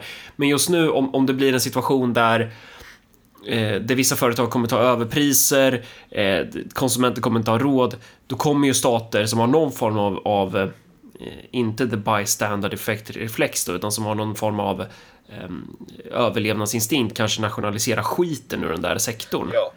Alltså den, den, om du tänker dig, ett land som Sverige, vi är inte så himla beroende. Det är inte vårt fel att elsystemet har kollapsat i Europa. Alltså om, om den här skiten inte hade hänt. Vi har ju bidragit på vårt håll genom att rövknulla vår egen energiförsörjning Ja, också. ja, ja, ja, men om den här skiten inte hade hänt, Ja. och det här är en, en poäng som är faktiskt värd att komma ihåg, då skulle våra elpriser ligga på en, inte en superlåg nivå kanske, men i alla fall en nivå som var liksom helt normal, som du kunde ha en fungerande industriland på. Jo, men det var, alltså ärligt Malcolm, redan innan invasionen av Ukraina så hade du skithög, då hade du priser som, hade, som, som slog mot industrin. Alltså redan, du vet, man Ja. började, man började varna om det här för ett år sedan, alltså innan man ens samlade trupp vid gränsen. Ja, ja, ja. Ja. Men, men typ något år innan det, två år innan det, så hade du så jävla låga elpriser så att liksom de här nedstängningarna av kärnkraftverken var bara, äh, vem bryr sig liksom? Men, men, så att, men poängen här är bara att dit jag ville komma är att för ett land som Sverige så är den här att, att bryta från bystander-effekten. Det är bara att säga så här, fuck you Danmark, lycka till liksom. Ni får köra den här just in time eh, eh, grejen, men det kommer inte komma något just in time från Sverige. I Sverige, då är svensk el åt svenskarna liksom.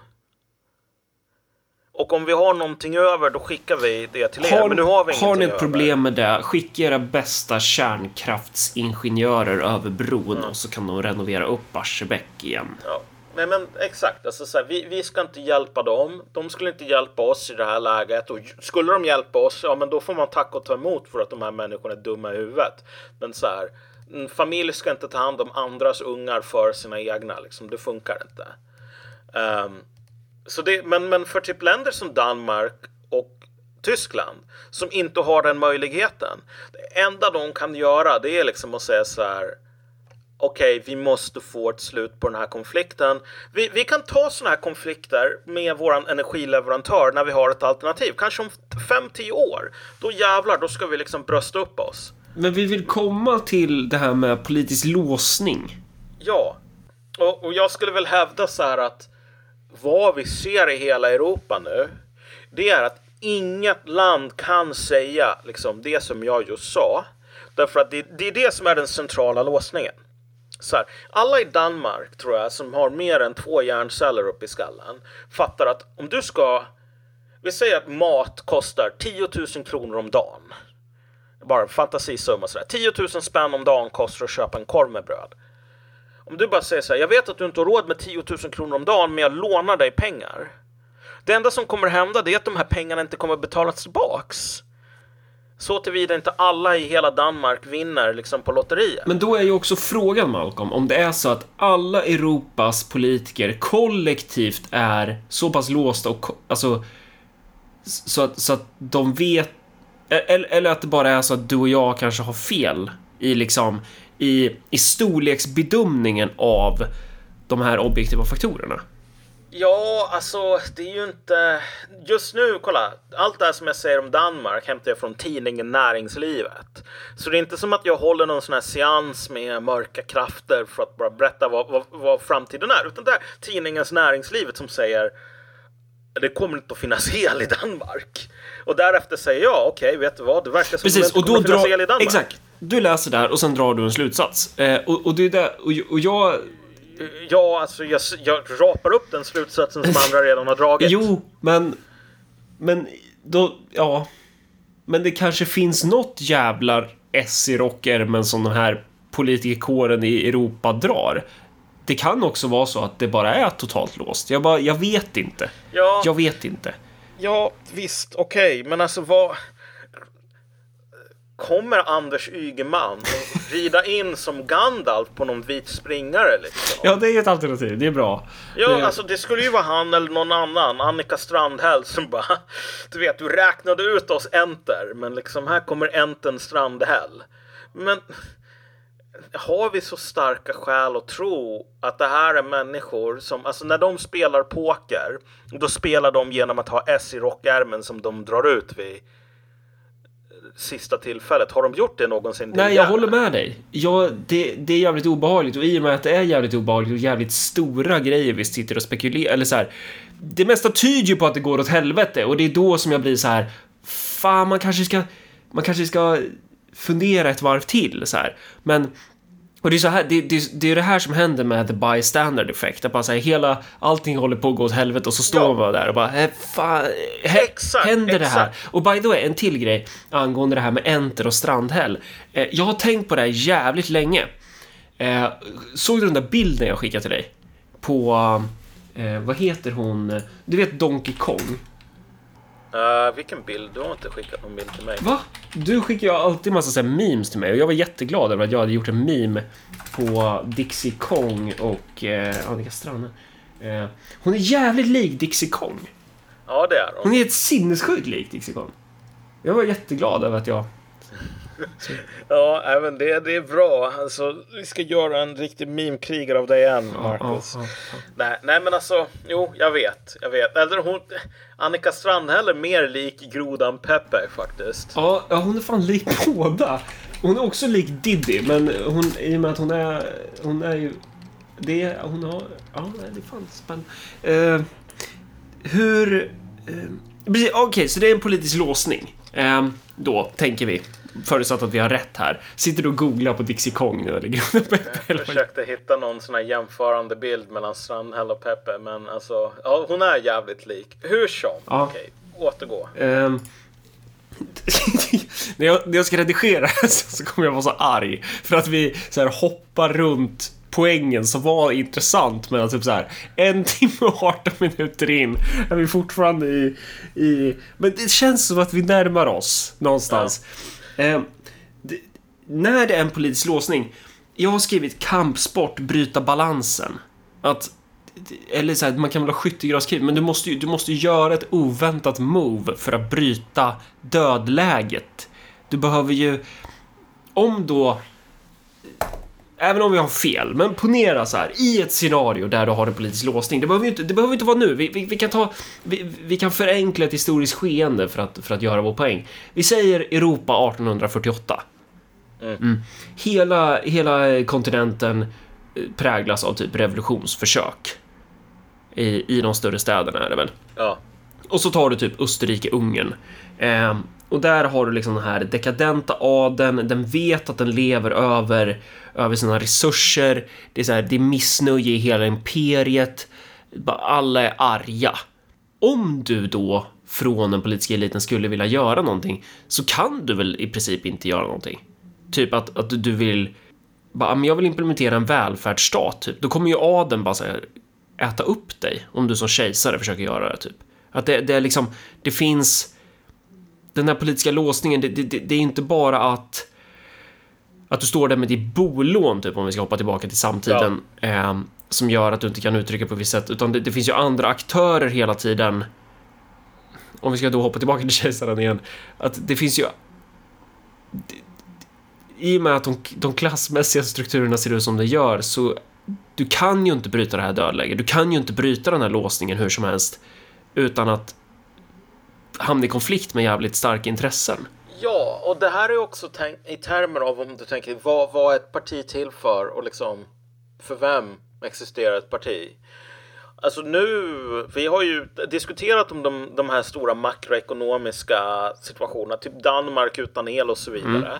För att leda in i att liksom, lyssnaren ska förstå här att de förändringarna vi går mot, det är inte nödvändigtvis förändringar som är bara, ja vet du vad, vi hade ett par jobbiga månader där. Det är inte ens nödvändigtvis att det bara, ja men det blir lite grann som eurokrisen Ja, det, det, mesta, det 2012. mesta tyder ju på att det här blir någonting helt nytt. Ja, det blir någonting helt nytt och det är någonting som också kommer att bli mer eller mindre permanent. Vi tror det, ja. Ja, alltså n- när du säger så här. eh, Elpriserna ska återgå till det normala. For what it's worth, liksom. Det finns en stor chans att det här är det nya normala. ja. Och om inte du kan betala elpriserna nu i din villa, ja men då kanske du inte kommer att bo kvar i villa. Liksom. Det kommer inte längre att vara någonting som, som, som erbjuds för folk i, i din prisklass. Så. Ehm, och det kan man tycka är jättehemskt och så vidare, men liksom det är så realiteten kan bli. Uh, men grejen där är ju att i ett sådant läge så går ju politiken från att vara liksom så här fredstid, administrativ, liksom den enda frågan är vad ska skattesatsen ligga på 14 eller 15 procent så till att bli någonting mycket mer existentiellt och någonting mycket mer kaotiskt och farligt. Också. Precis den här stela, låsta, konstiga kurdiska neuros eh, ringdansen där de bara de, de håller varandra i handen. Du vet hur kurderna ser ut när de dansar va? Det, är, ja, men det är så bara långt led och så bara står de bara, de bara står och håller varandra i handen typ. Det blir typ det, det, det urartar i någon form av breakdance. Det blir rörligt. Skyttegrav går till rörligt krig. Det, det är väl det skeendet som sker. Blir det här jätteflummigt nu? Nej, nej, det tycker jag inte. Alltså, utan så här, om du tänker dig. Um, ja, men det var ju det du var inne på, det här administrativa, liksom, fredstidstänkandet. Ja. ja. Precis. Och liksom vad... En av de intressanta frågorna här som någon sån här hemska populister är ju Okej, okay, om vi, vi, säger att det som vi håller på och säger här är sant. Liksom, det blir ingen el i Danmark under en period sådär. Folk vänjer sig under några månader med att liksom så här, varannan dag så är det så att elen inte är på. För att det blåser inte tillräckligt. Och alla de som man förlitar sig på, du vet, tyskarna ska leverera el. Uh, sorry, Tyskland kan inte leverera el. Frankrike kan inte göra det. Sverige, I Sverige så säger ordförande Marcus dansk jävlar och lägger på luren. Um, alltså, okej, okay, hur kommer det påverka politiken där? Rent konkret så är det väl så att alltså partier som ju längre de existerar, mm desto mer så blir de som den här pärlan som, som, som sedimenteras kring den här biten grus. Liksom. Alltså ju längre, ju, ju mer eh, positioner, heltidsarbetare, politruker, köttätare, uh, enjoyers och så vidare plockar de på sig. Köttgryte enjoyers. Ja, ja, precis. Um, ja, men köttgryte uh, njutare så desto mer, desto svårare blir det för dem att tänka i nya banor. Och det här låter jätteflummigt, liksom, tänka i nya banor. Det är bara att hyra någon sån här konsultfirma. Men jag menar bara att förändra den materiella grunden för det egna partiet. Liksom. Ja, och också, och det här har vi varit inne på tidigare också, typ så här, vad konstituerar revolutionärt tänkande? Um, och det behöver ju inte vara att du sitter i din jävla källare, har din sekt och bara så här, En dag en dag då är det fan inte kromade äppelskrutt vi ska ha, då är det kromade giljotiner. Eller något där. Bara, vi, vi ska hänga borgarna. Att man är en sån här fringe politiskt marginaliserad konstig företeelse. Mm. Utan revolutionärt tänkande är väl egentligen det finns ju någonting bakom där och, det, och den kategorin, överkategorin är väl rörligt politiskt tänkande. Alltså ett tänkande som, som går längre än det som du pratar om som är fredstidstänkandet, vilket jag skulle säga är det fasta tänkandet, det fixerade tänkandet, det tröga, liksom eh, hårda tänkandet. Eh, och om du har byggt partier under fredstid, du har byggt partier under, under en, en politisk era där du har skyttegravskriget. Så här, du vet var du står, du vet var den andra sidan står och så sitter ni i era skyttegravar och skjuter på varandra. Och bara “Kolla! Kolla vilken låg nivå de har där borta i den där skyttegraven och de kontrar med Titta, titta vilka fula ord de har. Och så, du vet, det händer inte så mycket. Det är bara så här politiska blue balls, det är väldigt förutsägbart. Medan rörligt tänkande är mycket mer mm, vad ska man säga, har du byggt ditt parti under den typen av förutsättningar, då kommer ju ditt parti internalisera det sättet att tänka på. Du, kom, ja. du kommer inte kunna hitta på och då blir väl det här the bystander effect att så här, du står och tittar på den där jävla våldtäkten, du står och tittar på när bara elsystemet kraschar, du står och tittar på när myndighet efter myndighet, de gör ju för i helvete inte vad, vad de var satta att göra från början. Det är ju bara en massa parasiter som springer omkring och äter våra skattepengar. Och även om alla så här kan konstatera på ja, ja Marcus, alltså Allard, han är så jävla skön vet du, för han säger, han säger som det är, du vet. Han bara berättar liksom att det är så här massa parasiter som äter skattepengar, vet du. Ja. Och sen då, vad gör man sen då? Ja, man gör ingenting. Och bara så här, vet, som, som de här politikerna, de andra partierna, de, de kan komma fram till mig ibland och bara Det där var jävligt bra sagt. Okej, okay, men varför röstar du för motsatsen då? Ja, Men alltså, och den, den, andra grejen här är ju bara att om du tänker dig, när jag ska försöka översätta den stora ordföranden. Ja, det, det är nog bra. Hans, hans, hans tankar liksom. Marcus Allard-tänkande. Det exemplet jag brukar ta, det är bara så här, föreställ dig åtminstone liksom, du, du, två olika approacher till politik. Alltså du, tänk dig att det är en armé. Du kan antingen ha en armé som består av kontraktniki, liksom, sådana här eh, proffssoldater. Eh, eller liksom legoknektar i praktiken. De är där för att de får betalt. De är heltidssoldater och liksom att vara soldater, det är deras jobb. De är bra på att banka på folk.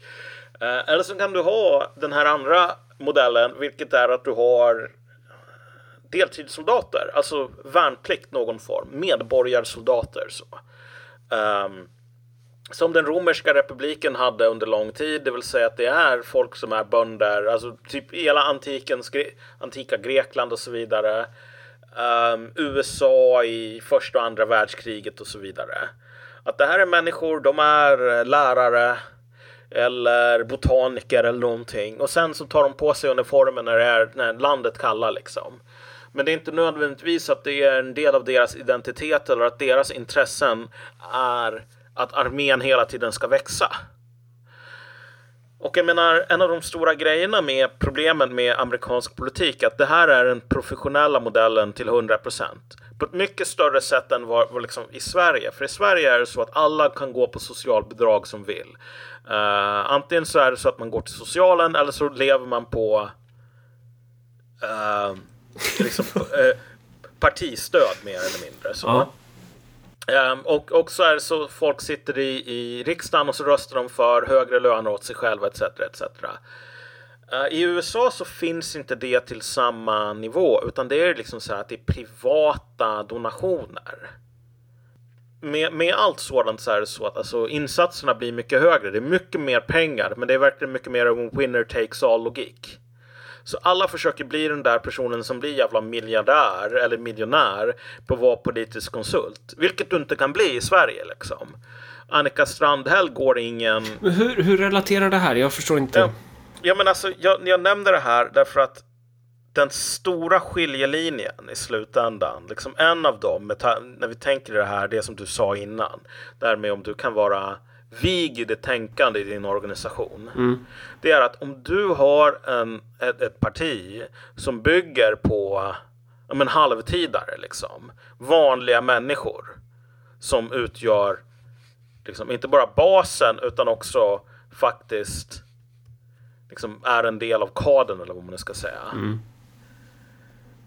du har en mycket större handel, rörelsefrihet än om du är den här personen som du har massor med människor i, i som förväntar sig en övre medelklass livsstil.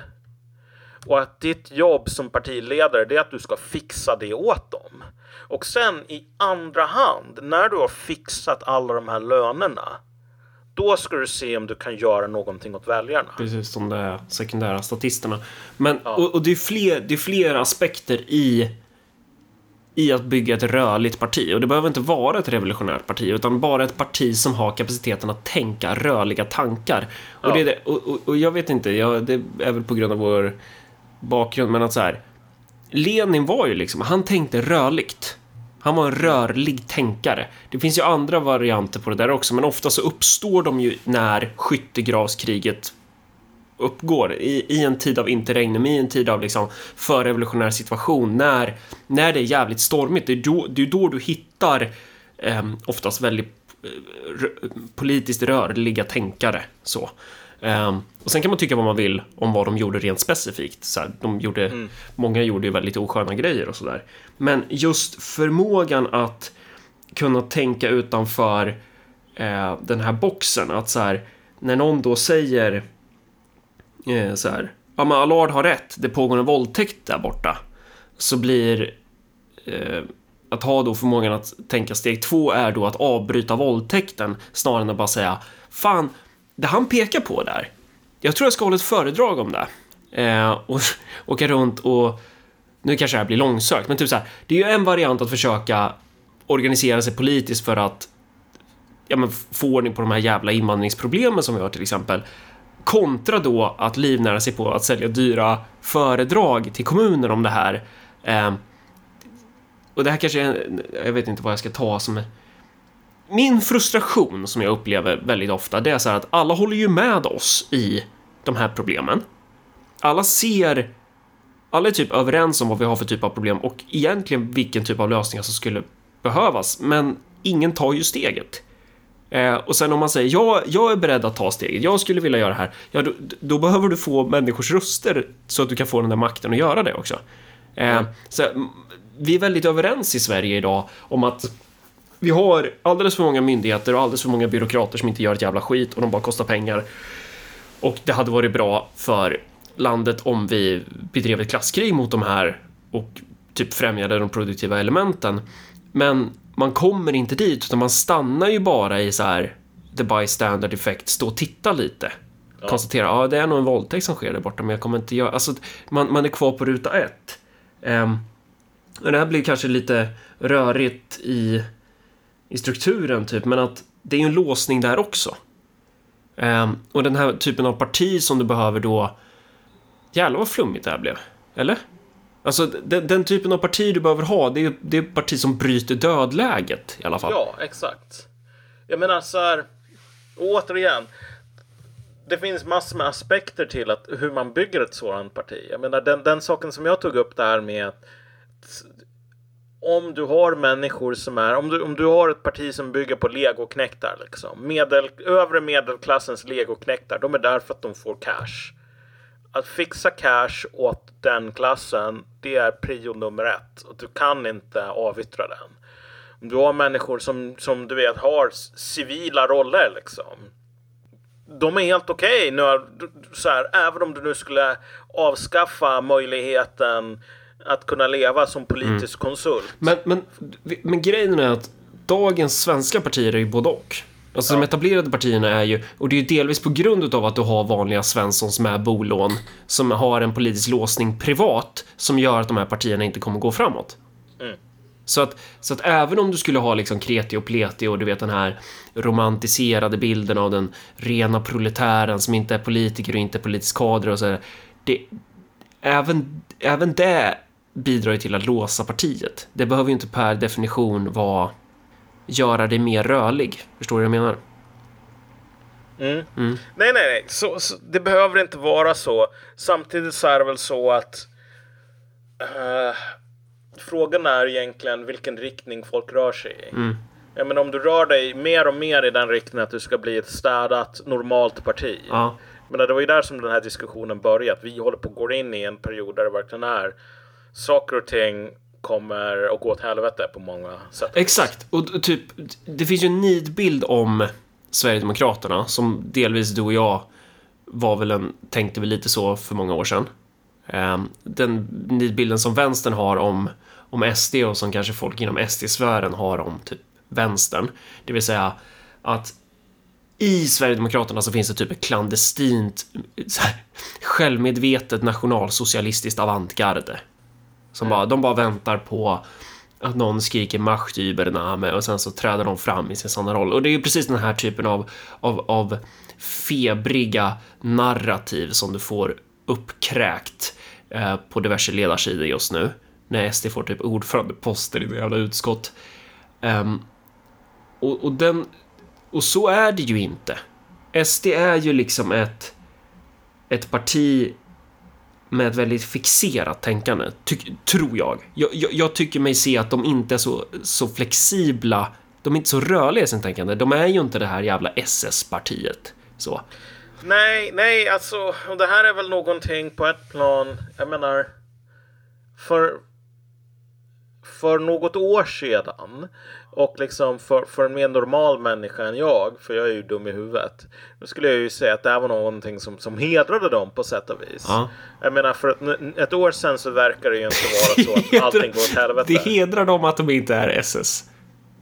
Ja, nej men ja. precis. Ja, men här har vi det här fina partiet som verkligen Folk tror att de är radikaler ja. som bara planerar för framtiden. Men de är som, som vilket annat parti som helst. Mm. De bryr sig inte idag är det svårare att säga att det är någonting som nödvändigtvis kommer att om du frågar andra svenskar om ett par år. Om det är någonting, en, en, någonting som kommer att premieras. Att det är inte någon, det är ingen större skillnad på SD och sossarna egentligen. Så. Ja. Och det där är ju den stora frågan, för vad, vilken typ av parti är det som går framåt i... Om, om det nu är så att så här, doomer-analyserna kickas in här, det, de realiseras liksom. Um, det blir, människor kommer behöva gå från hus och hem och det blir jävligt jobbigt. Är det då det här konventionella fredstidstänkande som kommer vara det, det, det vinnande konceptet då? Eller det borde väl vara eh, någon form av mer rörligt tänkande. Och då, ja. och då är frågan också så här, har de här partierna som vi har idag, har de den förmågan att svänga jävligt hastiga svängar, att vara mer som en korvett än Titanic? Eh, och jag, jag, vet inte, det kan ju vara så att, att de... Ja, alltså det, möjligtvis. Men jag tror att det stora problemet här är ju att, jag menar, nu har vi ju talat dels på så mikro och makronivå. Liksom makronivå här som du vet, Danmark kan komma med massor med fina lösningar eh, på typ att de inte har el, förutom att åtgärda den, den enda grejen som faktiskt går att åtgärda som kommer att ge dem el.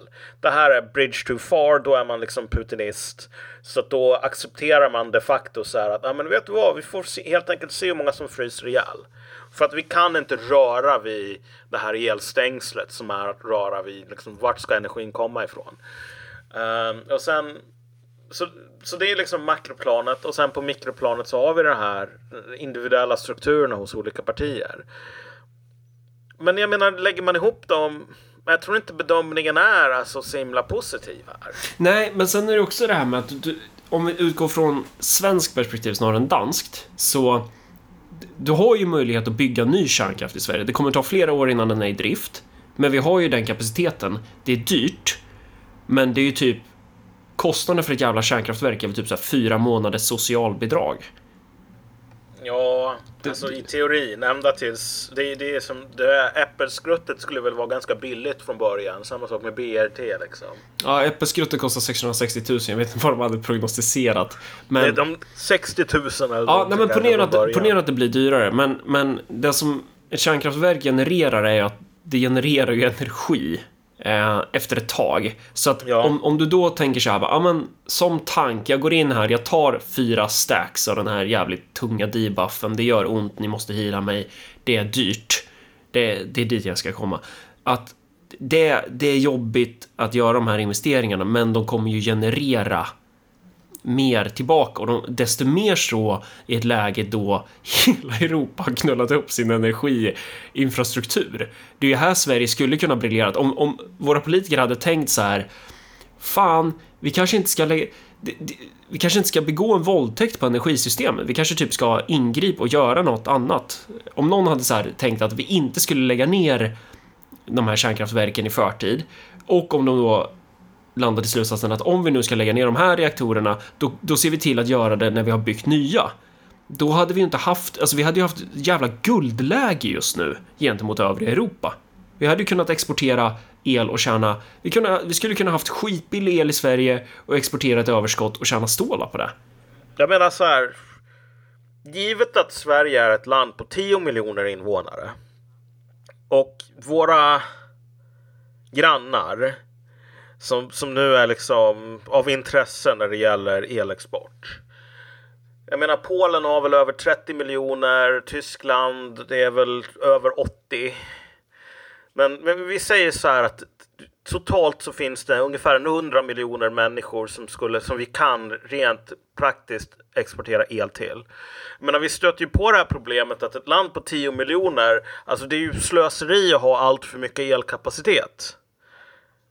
Um, så att alltså våran förmåga att ah, ha skitbillig el, mm. den är faktiskt ganska begränsad. Därför att så här, om, om elproduktionen kollapsar i ett land med 100 miljoner. Vi kommer inte, även om i en perfekt värld, om vi inte sysslar med groteskt slöseri som, som är svårt att förklara för svenskarna för de ska betala för det via skattsedeln. Så liksom okej, okay, vi säger att vi, vi hade nog med, med el för 15 miljoner människor i det här landet på 10 miljoner. Alltså det är ju en droppe i havet gällande Tysklands energimarknad. Så de skulle ju ändå suga upp allting. Mm. Så att alltså... Men vad, vad, vad säger du nu? Alltså om vi hade haft fungerande kärnkraftverk i Sverige. Ja, det skulle ha gått till Tyskland och det skulle ha eh, sänkt priserna lite grann i Tyskland. Och lite grann för oss också. Det är ju upp till politikerna att avgöra om det hade gått till Tyskland eller inte. Ja, jo, men alltså ja. det är ju för att våran el går till Tyskland just nu som priset är högt. Mm. Framför allt. Ja, alltså... och att det fattas. Det fattas ju elproduktion i systemet. Alltså nedlä nedläggningen av, alltså att vi har lagt ner hälften av våra reaktorer har ju en påverkan på priset också.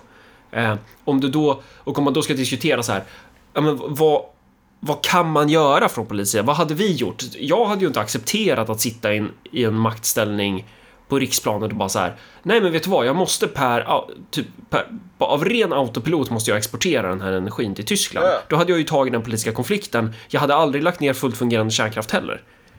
Men alltså, det finns inte ett enda land i Europa just nu, helt oaktat deras energimix, inklusive länder som får sin energi från Nordafrika, som inte har groteskt höga elpriser just nu. Så jag menar alltså att vad det tyder på att det här är inte någonting som, som har så himla mycket att göra med det enskilda landets energipolitik. De sakerna hjälper eller skälper lite grann i marginalerna. Så länge som du har ett svart hål i mitten av Europa som suger upp energi för att de har kraschat sin elmarknad så finns det väldigt lite som du kan göra. Jag menar när folk säger så här, vi skulle ha haft en sån här 30-40% billigare el i, i Sverige om vi hade, allting hade gått bra och MP inte hade existerat. Jag menar så här 30 till 40 procent med ett elpris på typ 300 kronor per kilowattimme. Jag menar så här för, för ett högt elpris för inte så himla länge sedan. Det var väl typ en 30 kronor eller Men det är fortfarande billigare och det är fortfarande som jo, så att... Men, men, men 150 kronor kilowattimmen är fortfarande en nivå som du vet, vi kan inte leva Nej, så. Nej, men det är fortfarande så här att om om vi nu har rätt i våra prediktioner om att vi går mot en en, alltså en icke-globaliserad värld, alltså en värld som är frak, ja. alltså multipolar, eller vad man ska säga, multipolär, um, då kommer vi inte kunna förlita oss på gas från Ryssland. Det, det, det, är väldigt lite som talar för det. Det som skulle kunna ske, det är om Europas politiker tvärvänder i vinter och säger nu sätter vi på kranen och så bör man typ göra en statskupp i Polen för att de överhuvudtaget ska gå med på det för att de kommer ju ja. bara så här hellre spränga sig själva än att tillåta den där jävla gasen att gå. Eh, och eh, visst, det är ett scenario att vi, att vi får in den där gasen från Ryssland. Eh, men när det gäller för Sveriges del, alltså Sveriges, ja, ja. Eh, så är det ju hur man än vänder och vrider på det så här. Vi måste bygga kärnkraftverk. Vi måste bygga upp vår energiförsörjning. Vi måste göra det. Det kommer inte lösa situationen i vinter. Det kommer inte lösa situationen om, om två år. Men det kommer ju göra att istället för att vi håller på med en ohållbar situation, att antingen typ subventionera så här köra inflation i kubik när vi ska typ så här subventionera vår el med, med ett otillräckligt system. Eh, så, så det, det, är liksom, du, du måste göra det. Och även om du gör, även om det typ skulle bli fred med Ryssland om några år och den här gasen går på igen, Ehm, så är det ju inte negativt om man har egen kärnkraft, egen nej, Nej, alltså, men, men som sagt, alltså, frågan om Sverige har gjort allt som man borde göra, liksom de här tre små grisarna. Vi har byggt våra koja i, i tegel eller inte? Nej, det har vi inte gjort. Vi har byggt den i trä eller någonting, liksom, vilket är bättre än hö. Eh, bättre än lera, det är kanske inte bättre än tegel liksom. Men det är så här, ett, vi, innan, innan den här jävla vintern så var inte Sverige ett energimässigt basket case. Sverige är fortfarande inte ett energimässigt basket case och vi vet det därför att vi ser nu att Sverige har de billigaste elpriserna i Europa. Förutom typ Spanien och Portugal. Så att alla andra länder är värre eller redigt mycket värre. Hela Danmark har högre priser, nästan liksom dubbelt så höga priser som typ Sverige elområde 3. Um, ehm, jag vet inte vad priserna i Finland är, men de är också mycket högre än i Sverige. Um, och här, så, att, så att så länge som det här, det här problemet finns så är det så att okej, okay, vi skulle fortfarande, vi skulle vara bäst i klassen. Vi skulle vara lite bättre än Spanien och Portugal kanske. Uh, fast kanske inte ens det på grund av att återigen, vi är ett litet land. Just nu är vi fast i den här energimarknaden där allt överskott som vi realistiskt kan producera, om vi inte bestämmer oss för att ta så här, nog med kärnkraftverk åt en hundra miljoner människor som vi bara driver ja, precis. Ja, ja, ja, vi, vi, kan ju inte hjälpa tyskarna, men vi hade ju kunnat tjäna stålar på skiten. Å andra sidan så, om, om, om, tyskarna går i stöpet så går ju vår ekonomi i stöpet också. Ja, exakt, ja, det är kanske är det som är poängen du söker. Ja, precis. Ja, dels det att så här, även om vi vi är fucked av, av, av krafter som är mycket större än oss själva. Alltså vi har inte, vi kan inte och vi borde inte ha nog med el för att vi ska kunna parera den här sortens uh, regionala haverier. Därför att så här, det skulle bara innebära att vi hade massor med svindyra kärnkraftverk och kärnkraft är fan dyrt. Uh, men vi skulle ha svindyra kärnkraftverk som vi bara har i malpåse och betalar underhållskostnader på för att rädda Danmark och Polen om de bestämmer sig för att skjuta sig själva i foten. Okej, vad får vi för att erbjuda den tjänsten liksom? Um, och jag menar tjäna pengar, alltså tjäna pengar på elexport, det är ju vad elbolag gör nu. De skulle kunna sälja det här för typ icke marknadspris till svenskar.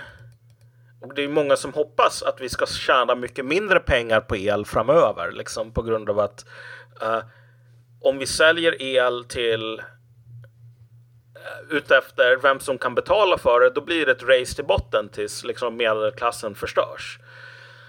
Men så här, den, på kort sikt, jag menar det, det som vi kan göra här, mm.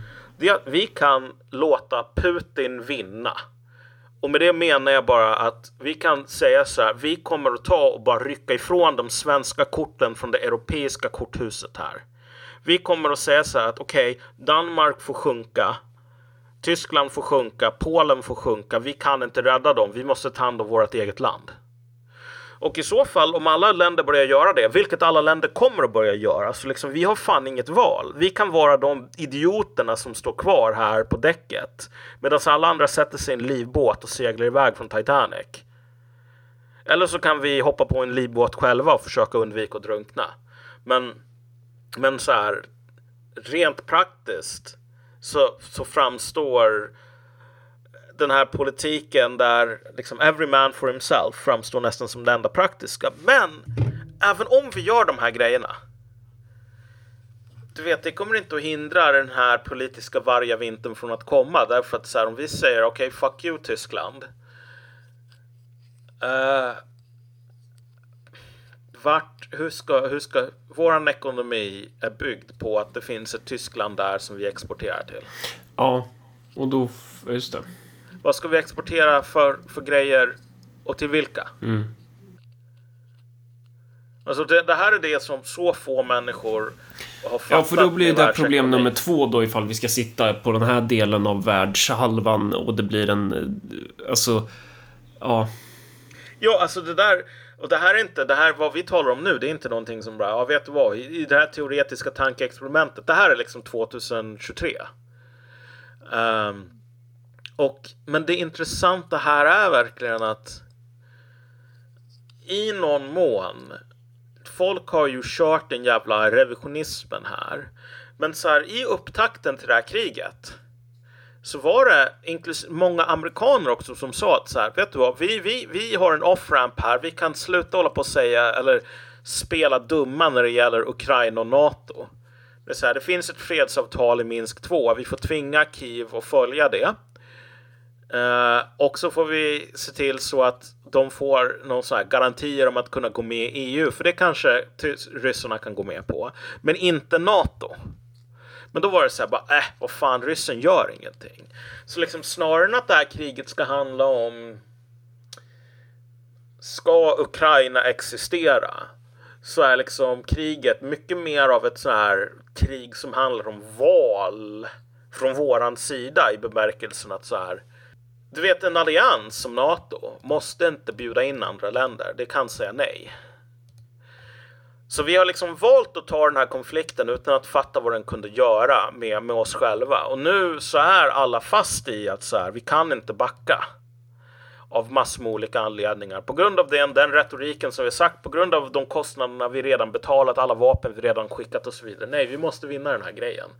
Men ingen har någon lösning här i Sverige eller i Danmark på liksom, okej, okay, vad ska vi göra när det inte finns nog med el? Utan då blir det bara så här, ja vet du vad, vi får se om, om det blir revolution. Och grejen är att det som du var inne på, det här bystander effect. Min erfarenhet av att snacka med folk här, inklusive människor i näringslivet. Det är typ alla politiker nu är i den här bystander effect världen där det är så att alla fattar att okej, okay, det är inte en komplicerad ekvation. Ska jag köra upp till Norrland, jag har två liter bensin i tanken. Jag kommer inte att komma fram. Mm. Och jag kan förklara varför jag inte kommer fram. Därför att jag vet ungefär hur många bensin, äh, liter per mil som bensinen eller bilen drar. Och jag kan kolla på en karta och se att det är ganska många mil upp till Norrland ifrån Skåne. Men ingen kan säga det här. Ingen kan säga, vet du vad, vi måste stanna och tanka. Därför att alla upplever så att om jag gör det, då kommer jag bli anklagad för att vara Putin-apologet eller någon sån här doomer.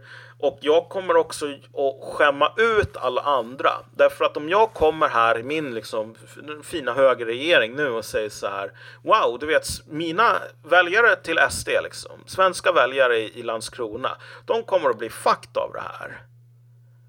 Så vi måste ha en plan. Okej, okay, men de andra partierna har ingen plan. Ska du bara dra brallorna av dem offentligt? Nej, det kan man inte göra. Så, så liksom. Grejen är att vi är inte nu i det här läget om vi tänker oss rent politiskt. Och jag får väl lägga till disclaimer att jag vet vad, imorgon så kan allting ändras så kan jag ha fel om allting om det här. Jag skulle gissa att vi inte nu i, i den här delen av Titanic där det är så att folk börjar se det här isberget liksom i horisonten och sen bara ring kaptenen, vi måste slå back. Utan nu är det isberget har redan träffat. Vi har seglat på i ett halvår efter det. Och nu är det så här kaptenen och han skeppsarkitekten som är i kontoret och bara rullar ut de här kartorna och säger det är en vetenskaplig säkerhet att det här skeppet kommer att ligga på havsbotten om tre timmar. För att du vet, det här skeppet överlever om det är fyra vattentäta skott som har sprungit läck. Nu är det sex stycken. Så liksom, vi, vi, vi, vi är på den punkten. Nu, nu är det så här, okej, okay, hur, hur organiserar vi den här kaotiska evakueringen? Med, med insikten om att det inte finns nog med livbåtar. Och jag, jag är ju inte säker på att vi är den skeppsarkitekten. Alltså så här, det kan ju vara så. Att, att det kan ju mycket väl vara så att det går åt helvete. Men det är så många gånger som vi har förutspått att det verkligen kommer gå åt helvete. Och så här, jag vet inte. Men det ser ut som att, som att saker ser jävligt illa ut. Och, och det här avsnittet, det har varit lite så här. Jag har hoppat lite. Dels har vi pratat om det här med som du är inne på nu, liksom den här ekvationen att Tyskland är ett jävla slukhål här alltså. Och det, det, är ett ankare som kommer dra ner hela Europas ekonomi. Så även om Sverige skulle ha typ förmågan att ha vilket ju hade varit bra om vi hade typ haft kvar våra jävla kärnkraftverk och liksom haft en stärkt stärkt förmåga till energiförsörjning så hade ju inte det hindrat Tyskland från en ekonomisk kollaps. Eh, och då hade det ju bitit oss i röven i alla fall. Absolut, det är en grej av det. Det andra, det är det här med eh, som, som vi kanske inte utvecklat tillräckligt, men det här med fast kontra rörligt tänkande. Vad menar vi med det egentligen? Eh, ja, alltså. Och, och, och, det går ju att använda på olika sätt för att den poängen som vi pratade om lite innan avsnittet och så jag tror att vi skulle göra gällande, det är ju typ en, en viss typ av, av eh, det behöver inte bli så, men, men att i ett läge då saker blir sämre så, så är ju det ungefär som när du bryter balansen i kampsport. Att det, det, är liksom, det, det, det sker ju något, det finns en öppning för någonting nytt, det finns en öppning för en ny typ av politiskt tänkande, en ny typ av politisk doktrin. Eh, det, jag vet inte, nu har vi snackat i två timmar, men man skulle ju kunna gå in på vad, vad innebär det då? Vad, vad menar vi med det? Eh, för där har vi bara duttat. Eh, mm. och, men vi har ju delvis pratat också om att så här, ja men vad menar vi med fast tänkande? Det är att så här, ja men partierna är fasta i sina hjulspår. De, de har en polislåsning bara i det att de så man, man, kan inte säga så här bara, ja men vi kanske ska omvärdera vår position gällande Ryssland. Det är liksom, det är låst typ. Ja, jo men alltså, och det är ju i slutändan ett tecken på någonting mycket djupare. Det är ju inte bara liksom, det är inte Ryssland här som är problemet eller Putin eller Nord Stream eller någonting sådant, utan det är liksom bara så här att rådjuret som stirrar in i billyktorna här, att liksom det är någonting som bara fryser fast. För att det är liksom, det är för mycket. Men har du tänkt på, på, på en grej här? Alltså att om du tänker dig så här hur våra eliter i Europa förklarar varför de sitter på toppen. Men fram till nyligen så var det någon sorts teknokrati. Liksom, att så här, vi, vi styr på grund av att vi, vi har vetenskapen på vår sida och vi producerar vetenskapligt bra resultat. Så. Men nu när det är så att det liksom inte längre verkar... Det verkar... Nej men alltså, du vet nu, nu, är det så att folk börjar öppet tala om att det kommer inte att finnas mat, det kommer inte att finnas el. Att det här är liksom möjligheter som folk får vänja sig vid. Alltså då är det väldigt svårt att komma med det här vetenskapliga eh, underlag för att vi har det bästa, lever i den bästa av alla världar. Utan nu är det bara så att nej, den här världen suger. Mm. Men då, det enda som finns kvar, det är så här att politiker mer eller mindre säger att vi förtjänar att styra bara därför att. Det är el, alltså du vet politiker i Tyskland håller öppet på att oja sig över att det kommer att bli revolution i Tyskland och de kommer att bli störtade. På grund av att du vet människor begår revolution när de är hungriga och inte har mat. Och det har jag alltid tyckt, jag har alltid tyckt att det är, så, det är en sån jävla konstig grej att hålla på och klaga över hur orättvist det är så här över att människor störtar politiker när de inte har mat. Bara fixa maten då. Mm. Men det liksom, vi är där på något plan att så här. Ingen kan längre säga, ja men vet du vad, jag kommer att fixa de här grejerna. Uh, och därför så ska du stödja mig. Utan nu är det bara, oh, gud vad elakt att du är sur för att det, saker och ting inte funkar. Men om vi återkopplar det till det som du sa det här mm. flexibla tänkandet. Fasta mot rörliga tänkandet. Det rörliga tänkandet det är att alltid tänka så här. Okej, okay, men vad behöver vi rent praktiskt ordna för att de här sakerna ska ska liksom bli gjorda? Det här är, den, det, det här är det återgående motivet i liksom varje mer eller mindre revolution typ genom Europas historia. Det är att du har ett, ett sklerotiskt gammalt system. Om du tänker dig Frankrike innan revolutionen som är konkursmässigt bara ett skämt juridiskt, liksom ingenting funkar i förvaltningen. Och så har du de här jakobinerna och, och girondinerna och alla andra som kliver in, kör någon jävla brutal och blodig storstädning. Och liksom när de ska försöka fixa landet så använder de sig av så kallade representatives on mission, alltså mer eller mindre folk med det som romarna kallar för imperium. Uh, alltså att du blir vald av nationalförsamlingen och åka ut till typ Bohuslän. Du ska se till så att det finns el i Bohuslän. Du har oändligt med uh, um, liksom, auktoritet. Är kadrer alltså? Ja, eller inte med kadrer utan det, det, utan ja, men det, det, är en du, kommissarie är väl eh, ja, sovjetiska? Du, du är typ en inquisitor i Warhammer 40K i princip. Så här att du kommer och du har rätt att beordra vem som helst och göra vad som helst. Du har rätt, eh, liksom makten över liv och död, vilket är så här att om någon säger vet du vad, jag tänker inte hjälpa dig.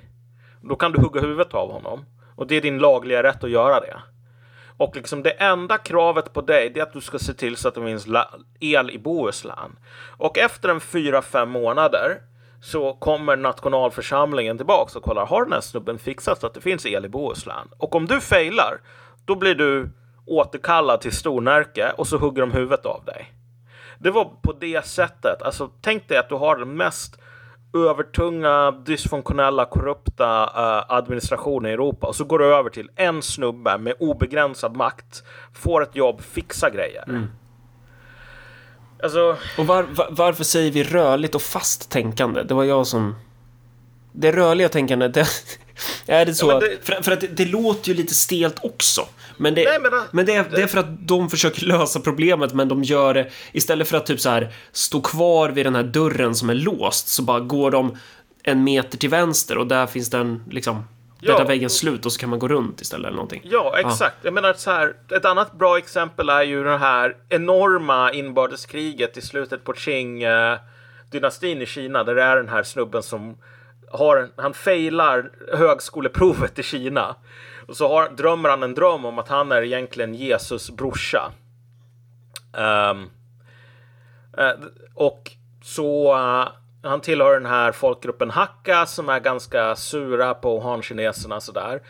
Uh, men han, är det här Taipei-upproret? Taipei-upproret, precis. Och han får alltså för sig att nej, vet du vad, jag är Jesus brorsa. Och Jesus har beordrat mig att kasta ut de här jävla manchuhundarna liksom. Uh, och han, han hittar en publik minst sagt. Så att han, det här Taipei-upproret varar hur länge som helst. Så det avslöjar bland annat hur, hur korrupt och sklerotisk den gamla liksom Qing eh, militära byråkratin har blivit. Alltså ingenting funkar. Så i slutändan så är det så att de lyckas med nöd och näppe vinna. För att de bara ger folk så här helt random, um, bara tänk dig att våran motsvarighet till, till någon sån här arbetare på någon liten kommun i typ Värmland som bara jag vet vad, vi behöver en hundratusen soldater här. Han kommer på någon, någon, någon, någon, smart grej så att han samlar ihop en, en 80 000 soldater i alla fall lyckas vinna ett par strider. Men liksom helt utan någon som helst regler. Det är bara en Jeppe som bara dyker upp mer eller mindre. Jag, jag, jag tror jag har en smart lösning här. Bokstavligt talat, tänk dig det. Eh, och det är liksom så saker funkar i sådana här riktiga kaos och kristider. Det är inte så att det här går igenom hundra nivåer och vet du vad, du har inte rätt att göra det här. Vi måste skicka saker och ting genom den här nämnden först. Utan det är bara, du får uppdraget, fixa det här. Annars så hugger vi huvudet av dig. Mm. Och, och, så bara hugger man huvudet av folk tills man hittar någon som kan fixa det som behövs. Så en generell definition är väl att du hittar nya lösningar på de här ja. problemen jämfört med... Alltså, ja. det mm. fast, vi, om vi tänker oss definiera det fasta jämfört med det rörliga. Precis, det måste ju inte vara att du måste hugga huvudet av folk. Det kan Nej. ju också vara så här att bara, den här, de här 30 kommunikatörerna, ja, vi sparkar dem. Okej. Okay. Ja, ja, ja, ja, exakt. Nej, men alltså halshuggningar, det är optional. Men det är ganska många som väljer det. Om, det, om läget blir riktigt illa, då, då, det här är det som motiverar folk att göra jobbet. Liksom. Ibland så undrar man ju, när man har tjatat om ett problem i 20 år. Ja. Och folk bara, ja, jo, det är ett problem. Och så gör man ingenting. Det, det, ja. Mm. Alltså tänk dig så här tjänstemannaansvar som vi håller på och klagar på hela tiden att det inte finns någonting. Tänk dig att det kom någon, någon, någon aliens eller gud eller någonting. Nå, någonting bara ändrades så att så här. Om du fuckar upp tillräckligt mycket så här. Du, du är Filippa Reinfeldt, du bygger Nya Karolinska och det går över budget. Du blir halshuggen. Men var det hon som gjorde det? Var det inte Svenonius? Jo, Ja, skitsamma. Det var Filippa Reinfeldt. Ja, whatever. Men tänk dig att du är den här personen bakom Nya Karolinska i alla fall. Och du bara, okej, okay, Nya Karolinska, det här blev inte så bra. Vi hugger huvudet av dig och det finns ingenstans du kan gömma dig. Alltså folk skulle säga, det här är ett jävligt brutalt land.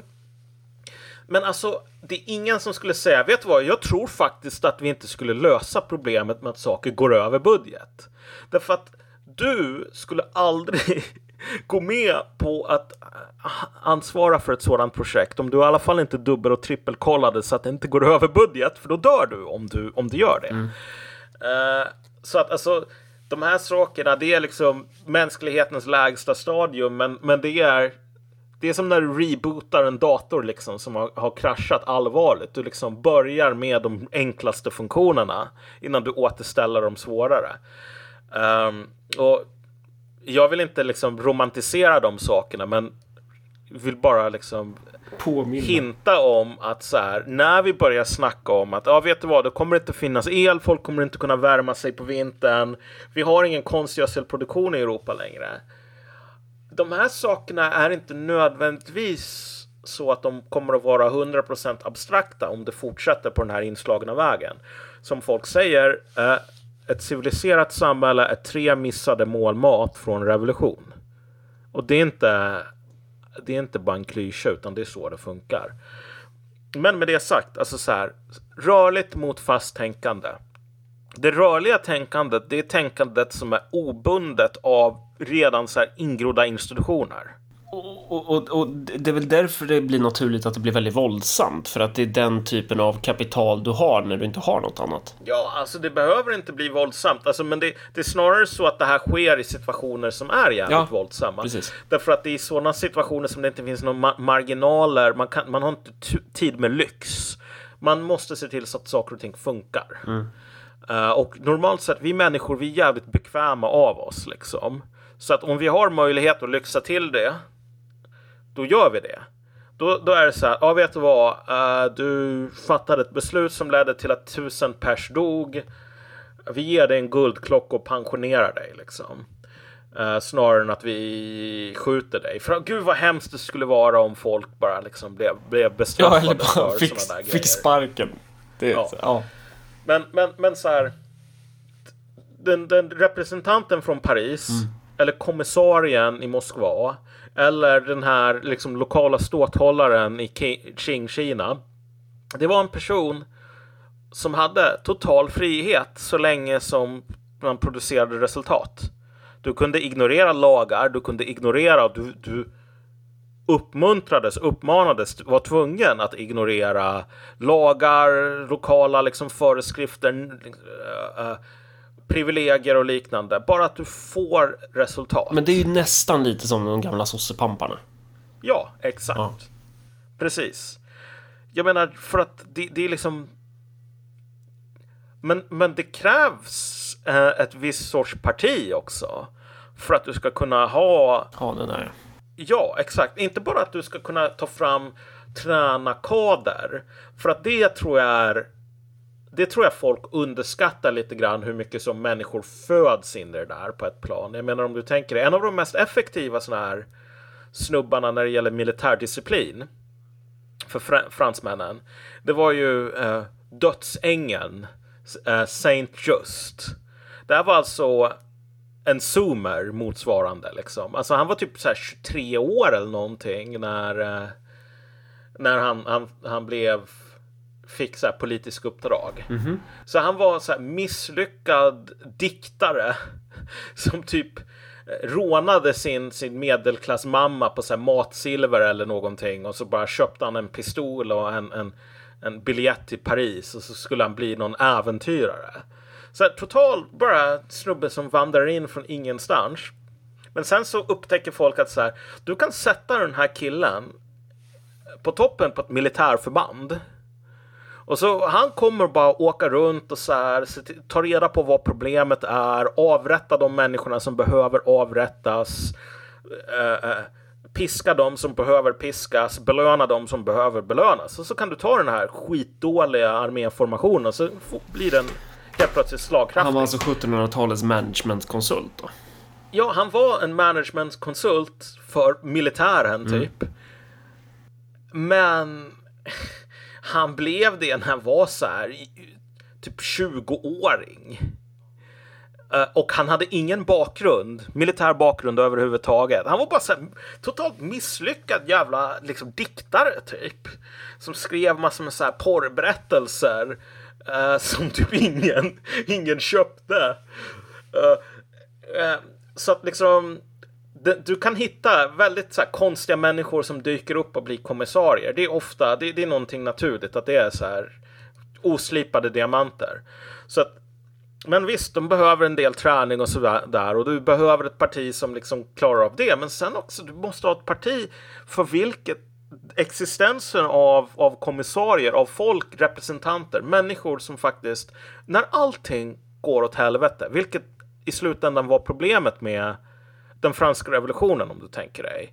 den franska revolutionen orsakades inte av att folk hade hällt massor med LSD eller cyanid eller någonting i vattnet. Folk blev helt galna.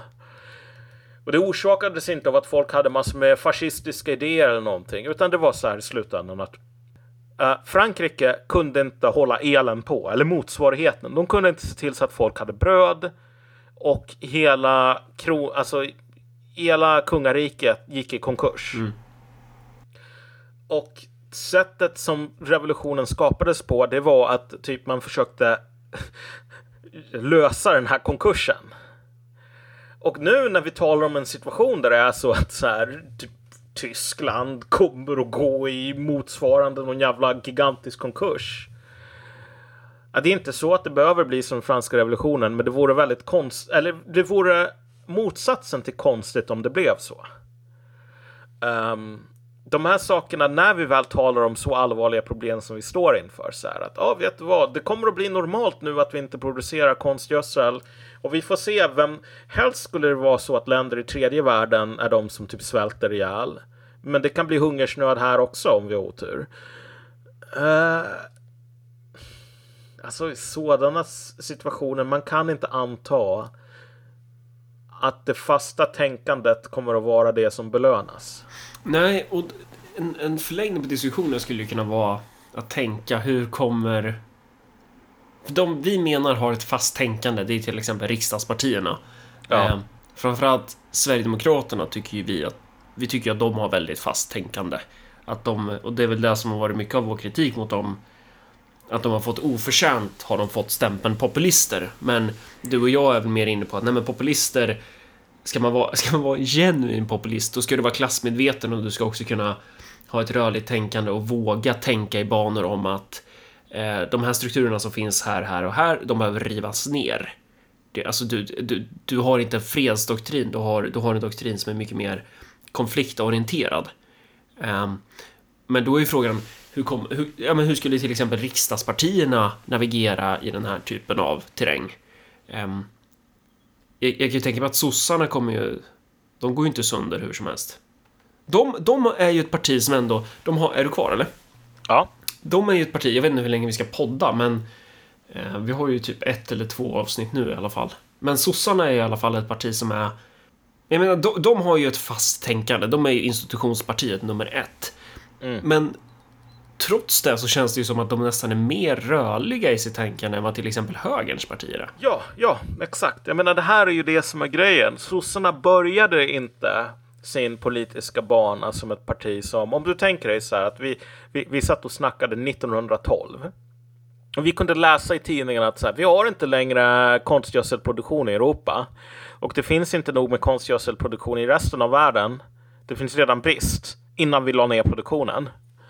Så nästa år så kommer eh, alltså skördarna nästa år kommer inte kunna ha liksom konstgödsel i lika stor utsträckning. Det kommer att leda till enormt, alltså enorma konsekvenser. Alltså vad är chansen egentligen att sossarna på den tiden skulle drabbas av den här bystander-effekten som, som är ett faktum i SD och M? Vilket är att de bara Ja, okej, okay, det här var intressant. Hoppas någon gör någonting åt det. Nej, sossarna hade en värld att vinna. Så de fattade att så här, eftersom vi har våra enorma ambitioner så är det så att om det är ett problem förr eller senare kommer vi att styra allting. Så att alla problem som dyker upp, det är vårt problem att lösa. Det finns ingen annan. Det vore katastrof om högern gjorde det här, löste det här. Därför att det betyder att då är det inte vi som har makten. Mm. Och så, så hade de tänkt förr, ja. Ja, så hade de tänkt förr. Jag menar, det var så de började. Mm. De hade en campsite. Ja, uh, men du vet. SD har inte det idag. Nej. Och här ska man väl vara rättvis och säga så här. SD och M, deras regering har inte tillträtt än, utan det vi Nej. kritiserar är väl ja, men de senaste 10-15 åren av vad man har sett från de här partierna. SD har ju inte fått beprövats. De har ju inte fått pröva sin makt på samma sätt. Visst, de har haft makten i vissa kommuner. Um, men, men det är väl också, alltså, vilken typ av analyser, vad, vad, är det för typ av grejer man ser från det här partiet? så drar Alltså, vi slutsatsen ja. att de har ett fast tänkande snarare än ett rörligt. Nej men exakt, jag menar alltså SD är ett parti och jag menar inte det här än som någon, någon, någon attack eller någonting sådant, utan det är bara ett konstaterande. SD som parti skulle inte kunna existera om, det inte, om sossarna inte gjorde det. Och med det, alltså om du tänker det på samma sätt som en, en tam katt skulle inte kunna vara en tam katt om de inte bodde hos en människa. Du skulle kanske haft en katt fortfarande, men en vildkatt och en tam katt tänker inte och beter sig inte på samma sätt. Eh, och det är bara den här burken whiskas som öppnas liksom eh, varje dag som ser till så att tamkatten kan leva som tamkatt. Och hur, om, du, om du ska utveckla det där lite, vad, hur menar Ja, men du? alltså så här, sossarna hade inget sosseparti som de själva kunde bara, ja vet du vad, om vi fuckar upp allting, då är det så att då kommer eh, ultrasossarna att lösa allting. Alltså på deras tid var det verkligen inte så att man kunde luta sig tillbaks och bara lita på att eh, När menar du deras tid? Menar du början av 1900-talet eller? Ja, exakt. Början av 1900-talet. Den tiden som partiet verkligen var dynamiskt. Det, det fanns ingen annan som gjorde någonting. Det fanns inget, inget säkerhets... Alltså, sån här socialt säkerhetsnät. Som bara fångade dig. Och liksom, du kunde inte bara, ja, vet du vad, vi, vi, vi har inte någon på kansliet som orkar tänka på det här om matpriser. Men det är, det är borgerligheten som får se till så att svenska arbetare har mat. då blev det ingen mat. Liksom. Det, var, det var alla införstådda med. Eh, gör inte vi det, då gör ingen det. Och, och SD har själva, om, om jag ska vara helt ärlig sådär, de har den attityden, gör inte vi det så gör ingen det, på ett område och det är invandring. De har inte någonsin, vad jag vet, utgett sig för att ha den attityden på alla områden. Utan det är invandringen liksom. Och, och det är ju inte en liten skitfråga. Det är inte som typ strandskyddet eller någonting. Det är en, det är en avgörande fråga för den svenska nationens framtid och så vidare och så vidare. Men eh, alltså de gamla sossarna, de såg på alla frågor som deras frågor. Där det var så att om inte vi gör någonting, då gör ingen det. Okej, SD har en. Och nu så är de frågorna som tonar upp sig sådana frågor som ligger utanför den enda frågan där. Och, då är ju, och då är ju frågan, eh, om man ska titta, om, skulle man säga att SD har ett fast eller rörligt tänkande gällande invandringen? För jag menar, de har ju ett fast tänkande gällande institutioner, verkar det som. Ja, exakt. Jag menar, men jag tror att det kommer... Vi får ju se hur det går den här mandatperioden. Alltså det, jag vågar verkligen inte spekulera i, i, i någonting rent praktiskt där. Det, det som vi vet nu är ju att SD kommer att försöka att få så mycket som möjligt att handla om invandringsfrågan. Man hoppas att det är där man är stark. Men vad man nog kommer att upptäcka är att försöka ändra i de här byråkratiska strukturerna. Det är ingenting som man bara gör. Nej. Det behöver man någon form av i princip klasskamp för. Ja, och, och det stora problemet med SD är ju att det är ett parti som inte riktigt kan bestämma sig, men i de flesta dagarna i veckan inte tror på klass. Så jag tror att man kommer att ha den här idén om att det, jag sätter mig i cockpit och så programmerar jag in en ny kurs i min autopilot.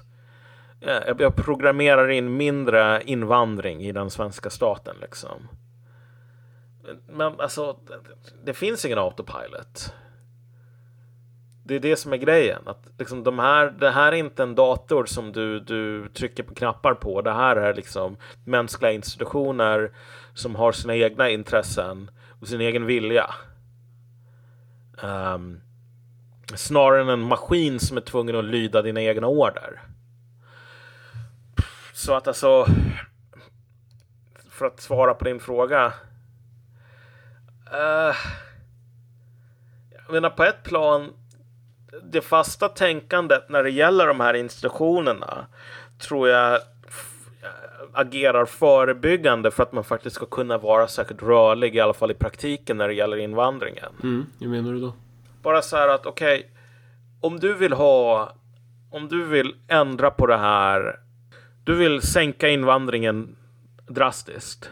Okej, okay, ska du liksom respektera att Sverige anno, du vet, efter mellan 2000 eller mellan 1998 säg och 2022 eller 2020. Det här är reglerna för universum.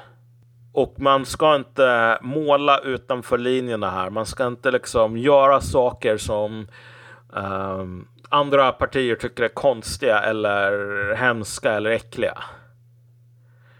Okej, okay, men du vet, jag tror att då har man i princip väldigt lite handlingsutrymme. Om jag ska ta något så specifikt exempel. Den här, uh, när, när, när SD under en kort period lekte med att försöka liksom vara någonting annat än ett, bara ett riksdagsparti under den här höjden av uh, flyktingkrisen. 2015. Skulle ha den här, ja mm. precis, skulle ha den här landsturnén och försöka fixa en folkomröstning i om invandringsfrågan. Det här var ju nästan lite marxism-allardism som de uppvisade här. Alltså, när, att de skulle åka runt eller vadå? De skulle ha folkomröstning i den här frågan mm. trots att politikerna redan hade bestämt sig. Liksom. Mm. Så gör man inte. Det var ju alla som var på dem för det. Mm. Uh, ja, vad fan hände med det? Ja, det rann ut i sanden och det rann inte ut i sanden för att det var någon som fuskade. Som, som... Örebro kommun skrev om personnumren ja, SDs. Nej. nej. Utan här var det för nej vet du vad, nu när vi har tänkt efter så liksom det, det, det här är lite konstigt. Liksom man orkade inte, man ville inte, man tyckte att nej, vet du vad. Okej, okay, men du, när du sitter i regering med Moderaterna och nu är det ändå så att så här. Nu har SD manövrerat sig in i kuckskjulet här. Att det är liksom äh, äh, M och KD och kanske till och med L. Men vet, vi, vara... vet vi att de har det? Så det ja. Ja, alltså de vill ju inte ha regeringsposter. Det, det, det går att läsa i tidningen nu. Det kanske är så att de, de allt det här bara var, var ett spel, men det verkar ju vara diskussionen nu. Men det kan ju också, det kan också vara jävligt smart att inte ta regeringsposter om saker och ting går åt helvete. Ja, fast alltså när du är störst parti ja. och du blir toppriden av Tuffe Uffe med sina jävla icke-breda axlar. Stackars Ulf. Ja, men alltså så här, när Tuffe Uffe kommer och bara säger så här, ni är mycket större än oss. Mm. Men eh, det är ni som är våra bitches och inte tvärtom. Jag tror inte SDs väljare överlag kommer att köpa den här grejen. Att oh, sorry, vi, eh, Tuffe Uffe tog sina bredaxlade mongomuskler och bara knuffade ut oss i kuckskjulet. Det fanns ingenting vi kunde göra. Så om regeringen gör någonting fel, då är det eh, Uffes fel. Det är inte vårt fel. Vi är helt, liksom, helt rena händer. Jag menar så här du vet. Ja, du, tänk, du de... tänker att, att det kommer stänka på SD också? Ja, eller ja. inte ens stänka, utan jag tänker mer så här SD-väljare som Orcs and Goblins. Liksom så här. Om du är störst, då ska du vara nobb eller warboss. Om du bara säger så här, ah, vet du vad, sorry, jag är inte bra på att slåss. Då är det ingen som, ingen orks, äh, ingen ork eller ingen goblin som kan respektera dig liksom. Mm. Um, och, och så här, om du hoppas, om, om du som parti hoppas att du ska vara det största partiet i ett regeringsunderlag. Ett aggressivt missnöjesparti. Och du ska... En regering skapar en massa jävla missnöje för att den suger. Och du bara, ah, vet du vad, det var inte vårat fel. Alltså folk kommer bara säga så här, varför röstar jag på dig om det jag får är en moderat regering? Som du sen har mage att säga äh, det här är inte jag. Sorry, men liksom om det inte vore för SD skulle den här moderatregeringen inte tillträda. Så att alltså, hade man varit liten och varit något sånt här passivt regeringsstöd, okej okay, fine. Men nu är man det största partiet. Nu kan man inte fly från ansvar för vad den här regeringen gör. Det enda som kommer, folk kommer att säga om, om den här regeringen sabbar allting. Det är att ni är till och med så dåliga i era förhandlingar så att ni fick inte. Ni, ni, ni hade möjligheten att få inflytande för ni är störst. Men ni bara. Liksom, ni fick den här handen i pokern Och ni kunde inte ens vinna på den liksom. Ni fick en jävla Royal Straight Flush och ni förlorade pengar på den. Så ja, nej, alltså jag, jag tror att SD, om de hoppas på att om det går dåligt så kommer det vara någon annans fel. Mm. Att det är inte omöjligt, det måste jag säga, å ena sidan. Det är konstigare saker har hänt. Men ska man hoppas på det?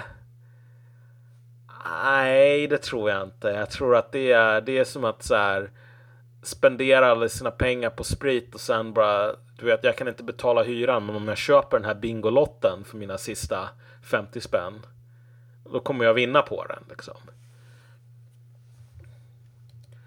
Eh, Men vad var vi innan alltså? Ja, vi, vi, vi var inne på det här med fast och rörlig tänkande och bystander effekt. Men sossarna är väl så idag också att de är så här. För, för de, om, om man ska prata invandring, de har ju bara stått bredvid och tittat på. Ja. Eh, Jo. och sen bara, va- varför ingriper ni inte mot våldtäkten? Eh, och då har det bara kommit så här. Det, det de har gjort när det gäller invandringen, det är så här retoriska manövrar. Kommunikativa. Så att om man då ska hoppa in i den här våldtäktsmetaforen så Sossarnas, sossarna hade typ spelat upp en pjäs på att de ingriper mot våldtäkten Ja. samtidigt som den pågår eh, 100 meter bort, eller 10 meter Jo, men ja, exakt. Men det måste man ju ändå säga så här att kolla. Om, det, om vi tänker oss här. En tävling är att vara den här bystandern som inte lyfter ett finger förrän det är för sent. Men därefter bara säga ja, jag försökte i alla fall. Ja, det är sossarna. Det är en tävlingsgren som du, du kan liksom, du, du, du, du tävlar mot andra partier. Så sossarna kommer att vinna hundra gånger av hundra. Eh, Och de vinner framförallt på grund av att när de väl liksom griper in efter att det är liksom på tok för sent. Jag menar, de gör ju någonting liksom. Alltså sossarna, och det här är ju det som typ, det jag snackar med folk i högern. Men om de fick välja mellan Ulf Kristersson eller Göran Persson, liksom om det blir krig i Sverige. De flesta skulle välja Göran Persson. Därför att så här. Inte för att de gillar Göran Persson eller för att han var så jävla bra. Men, men Det är fan han som sprängde Nord Stream alltså. Tror du Ja. inte det? Jo, jo men precis. Att han kan, han, han har säkert någon jävla styrelsepost. Ja, det, han har någon Ja. plan på gång nu. Han ska komma tillbaka och det börjar med att han simmar ner där. Och... Ja, det är bara så, man, ingen behöver tycka om sossarna och de, de, de, de tjänar kanske på att det är ingen som gör det. Därför att i slutändan så är det så att så länge som de är det, det, det mest professionella, minst dåliga alternativet av massor med oprofessionella, riktigt dåliga alternativ. Jag menar så här, då fattar alla att okej, men vad är alternativet? Och jag menar, de blev det här minst dåliga, minst oproffsiga av alla dåliga och oproffsiga alternativ. Därför att de var en gång i tiden ett parti med extremt så här rörligt tänkande, eh, liksom aggressiv Men- jävla will to power. Så. Vi pratade om det här innan, det här campsite. Alltså kamptid, eller vad blir det? Prövnings... Ja. Kamp, strävan. Det, det som eh, du sa att nazisterna kallar den tidiga eran i partiets historia för det. Och det är liksom en, en era, om jag förstått det rätt, då, som kantas av att partiet måste vara mer eller mindre hemligt. Det måste vara underjordiskt. Det måste vara... Um... Ja, de var framförallt irrelevanta liksom. Inte bara att de var, var, var olagliga sådär, men liksom, utan det här var den tiden där man liksom vandrade i öknen innan man kom fram till det förlovade landet. Så. Uh, tiden av sitta och käka liksom motsvarigheten till typ nudlar, inte ha några pengar, liksom, men, men brin, liksom slåss för sina ideal. Men, men sossarnas campsite, eller deras liksom... Kan man säga att de hade en liknande? För de har ju varit... Ja, det hade de ju verkligen. Ja, men de blev ju relevanta rätt fort och de blev ju relevanta genom att bli... Alltså de växte ju fram ur någonting materiellt. De växte ju fram ur en rörelse som var verkligen så här, ja men rörligt tänkande per definition. Så här, ja, Ja. men vi står med lera upp till knäna, vi behöver lösa problemet. Vi jobbar 12 timmar om dagen, vi behöver lösa problemet. Ja, nej, men alltså om du tänker dig de här tidiga striderna, splittringarna, ehm, byggandet av fackföreningsrörelsen och så vidare. Alltså det här var ju, det här var ju riktig jävla liksom struggle.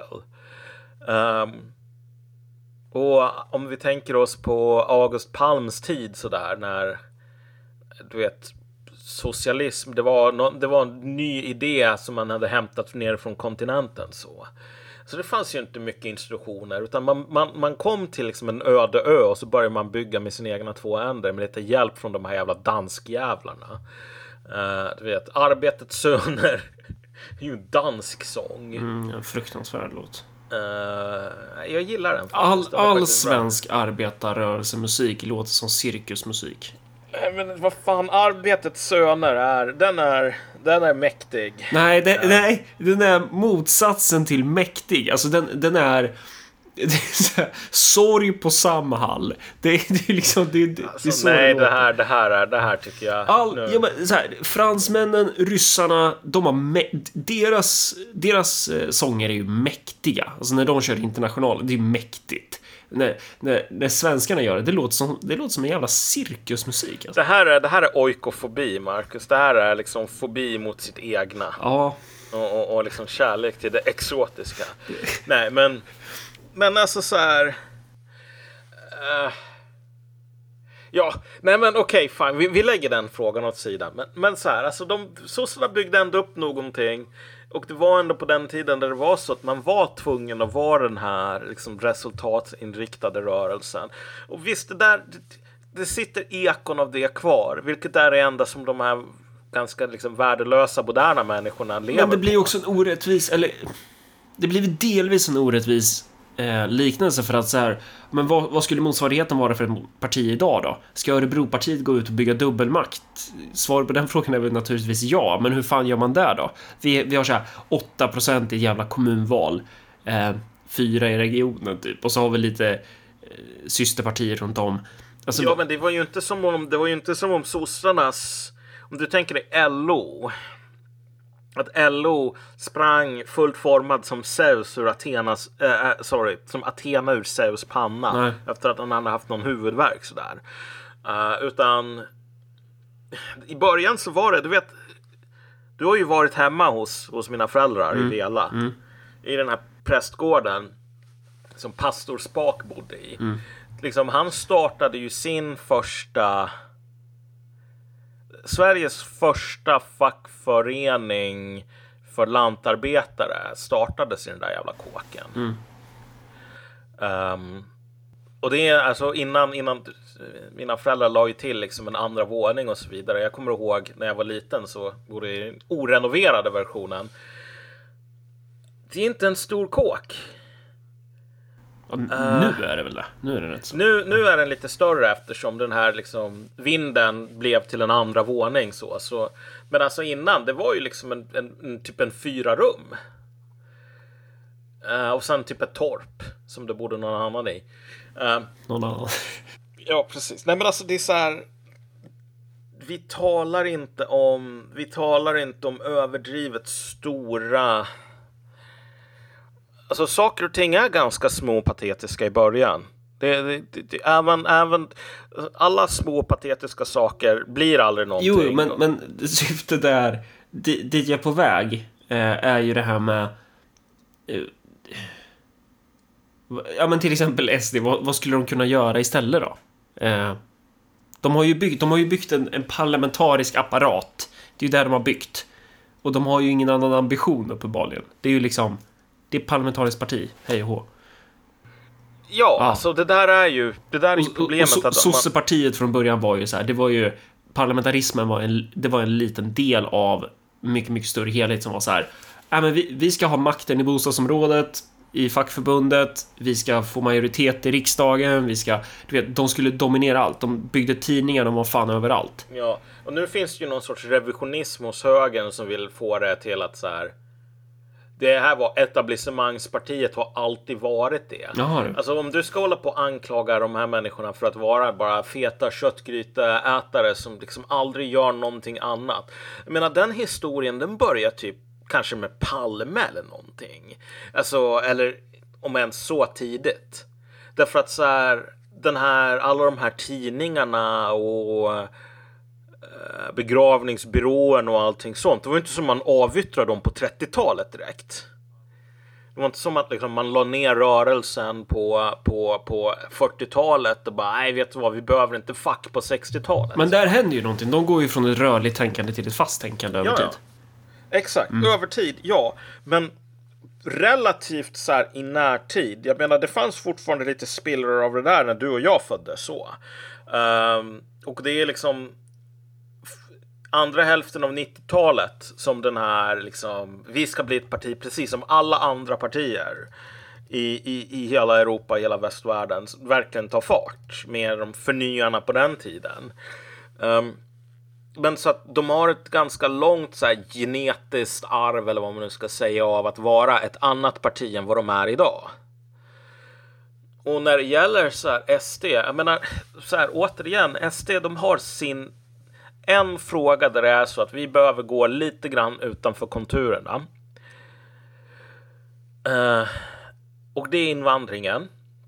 Men allting annat, jag menar, och det är ju så här, jag kommer ihåg folk högt upp i partiet uh, som, som för några år sa, sedan sa liksom så här helt öppet att jag önskar att sossarna hade gjort de här grejerna för då hade inte jag sysslat med politik. Och jag menar, återigen, det är en hedrande inställning på ett plan. Liksom. D- där har vi verkligen den här eh, medborgare, soldaten liksom. Allting går åt helvete så då tar jag och hoppar av min andra karriär Den- för att syssla med politik. Den kränkta folkpartisten som inte Ja. kan vara folkpartist längre utan måste bli sverigedemokrat. Ja, nej men alltså, nej men bara, jag kommer in från det civila livet här. Ja. Jag skulle egentligen bli det här. Men nu, eftersom sossarna inte fixar det här med invandringen så var jag tvungen att göra det här jobbet. Okej, fine. Men du är inte, du är fan inte en sosse. När du tänker på det sättet så här. Det var inte många sossar som bara, ah, vet du vad, jag önskar den här jävla eh, direktör Krösus i cylinderhatten hade gjort den här grejen på bruket, för då skulle jag aldrig ha blivit sosse. De hade en jävla värld att vinna och det har inte människorna i SD. Och återigen, hade vi levt i en period, eller gått mot en period, där det verkligen var så att alltså, det, det, det är förvaltning. Och sossarna har fuckat upp förvaltningen på invandrarområdet. Och du vet, det måste fixas. Men så här, om det är att nationen är hotad, nationen drabbas av hungersnöd, vilket skedde på sossarnas tid både en och två gånger. Alltså, riktig hungersnöd har inträffat i Sverige under den tiden som Socialdemokraterna har varit en grej. Så här tidigt på 1900-talet. Folk som, alltså de svälter, det är inte såna här scener som i Afrika med typ gamar som väntar på att småbarn ska dö på gatan. Men det är ändå så här, du, du får in en max 1000 kalorier eller någonting som en vuxen man liksom. Eller, eller eh, eh, barn får i hälften av sig den maten de behöver för att undvika allvarlig undernäring. Eh, den... Sossarna har gått från att vara ett, ett, ett krigstida parti, alltså ett parti För politisk krig. stöpt, ja, politiskt krig, ett parti stöpt i kriser, hungersnöd, Heroism. heroism, eh, strapatser, riktig strävan på liv och död. Till att bli ett parti för folk som gillar att käka vid köttgrytorna. SD är ett parti som aldrig har levt i ett Sverige där det inte har varit ganska fulla köttgrytor. Ja visst, det är nedskärningar på köttgrytorna liksom. De blir lite mindre för varje år som går och det är lite mer kriminalitet och liksom eh, invandrare som går före i kön till köttgrytorna. Men alltså de finns där. Det är inte så att bara du vaknar upp i Sverige och bara wow, det finns inga köttgrytor, det finns ingen mat alls, nu håller vi på att svälta. Och alltså, sossarna som sagt, att gå från att vara det här kamppartiet till att bli ett parti som är bekvämt och som lever som, som en sån här i, i ett samhälle som är städat och det är inte kamp på liv och död som gäller. Alltså det är, det är enkelt. Liksom alla partier som, som är riktigt hardcore, om de överlever tillräckligt länge, lyckas med den övergången. Tids nog. Men att gå från att vara ett parti som, som är casual till att bli ett parti som är hardcore. Från fast till rörligt. Ja, det är inte... Det är nog inte särskilt enkelt. Nej. Har vi fått något sagt nu?